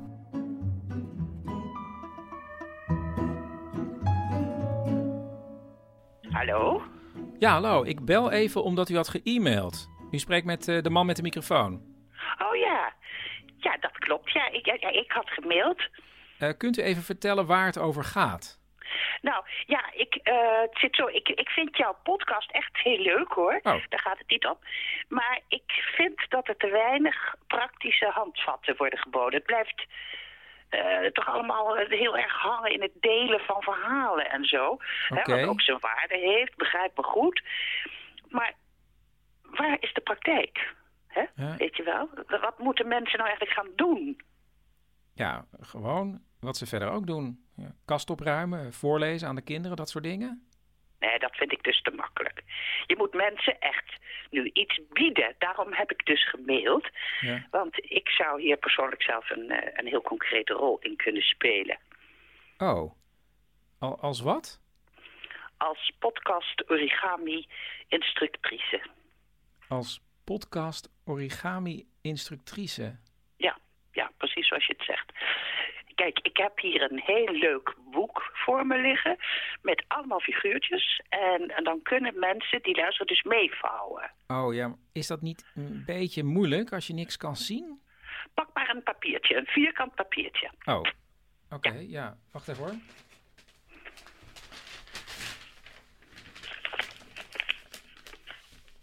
Ja, Ja? ik heb nu Leg vierkant. Ja? het papier eh, neer en vouw het in de lengte dubbel. Ja. En daarna in de breedte. Ja. En Oh, wacht weer even, openvouwen. En nu vouw je Ja. vanuit de linker onderhoek dusdanig dat de rechter onderhoek precies op de verticale voorvouw ligt. En dan goed aandrukken. En dan doe je hetzelfde met de andere onderhoek. En dan het hele papiertje omdraaien en het geheel herhalen. Nou, dat is dus het voorwerk. En nu wordt het dus een beetje lastiger, want het wordt een, nu een kwestie van het terugvouwen Mevrouw? van een hoek. En dan moet je hem een soort eh, van terugklappen over zichzelf heen. Yes. En als het goed is, zie je dan het begin van een bekje. Ja hoor, ik zie het bekje. Mevrouw? Eh, Mevrouw? Want het woord kan ik eigenlijk eh, alvast wel verraden. Het wordt een roerdomp. Leuk hè? Niet eh, altijd maar die saaie kraanvogels, maar gewoon een oer-Hollandse roerdomp die we vouwen met oeroude Japanse technieken. Nou, dat is toch prachtig? Ja, nou in theorie denk ik wel, maar ik denk dat dit toch echt iets is voor met beeld erbij. Oké, Geen enkel probleem. Dan, eh, dan bel ik de tv wel. Heb jij het nummer van eh, DDDW? Nou ja, dat bestaat niet meer. Of zou ik dit ook onder Nederland in beweging kunnen laten vallen? Even vouwen tijdens de cool-down. Zou oogaccommodeur hiervoor openstaan? Nou ja, waarom ook niet? Vouw jezelf de depressie uit of zoiets? Mevrouw, Ja? ik ga ophangen. Succes. Eh, Oké, ja. Ja, succes jij ook. Eh, tot ziens.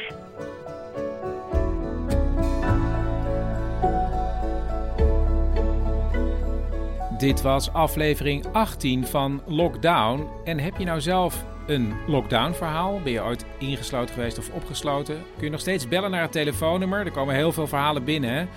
Eh, maar misschien heb jij een mooi verhaal. In drie woorden. Bel ze door naar 084 83 71 282. Ik ben morgen terug. En eh, ik zou willen zeggen, slaap lekker. Of Goedemorgen. Maak er een mooie dag van.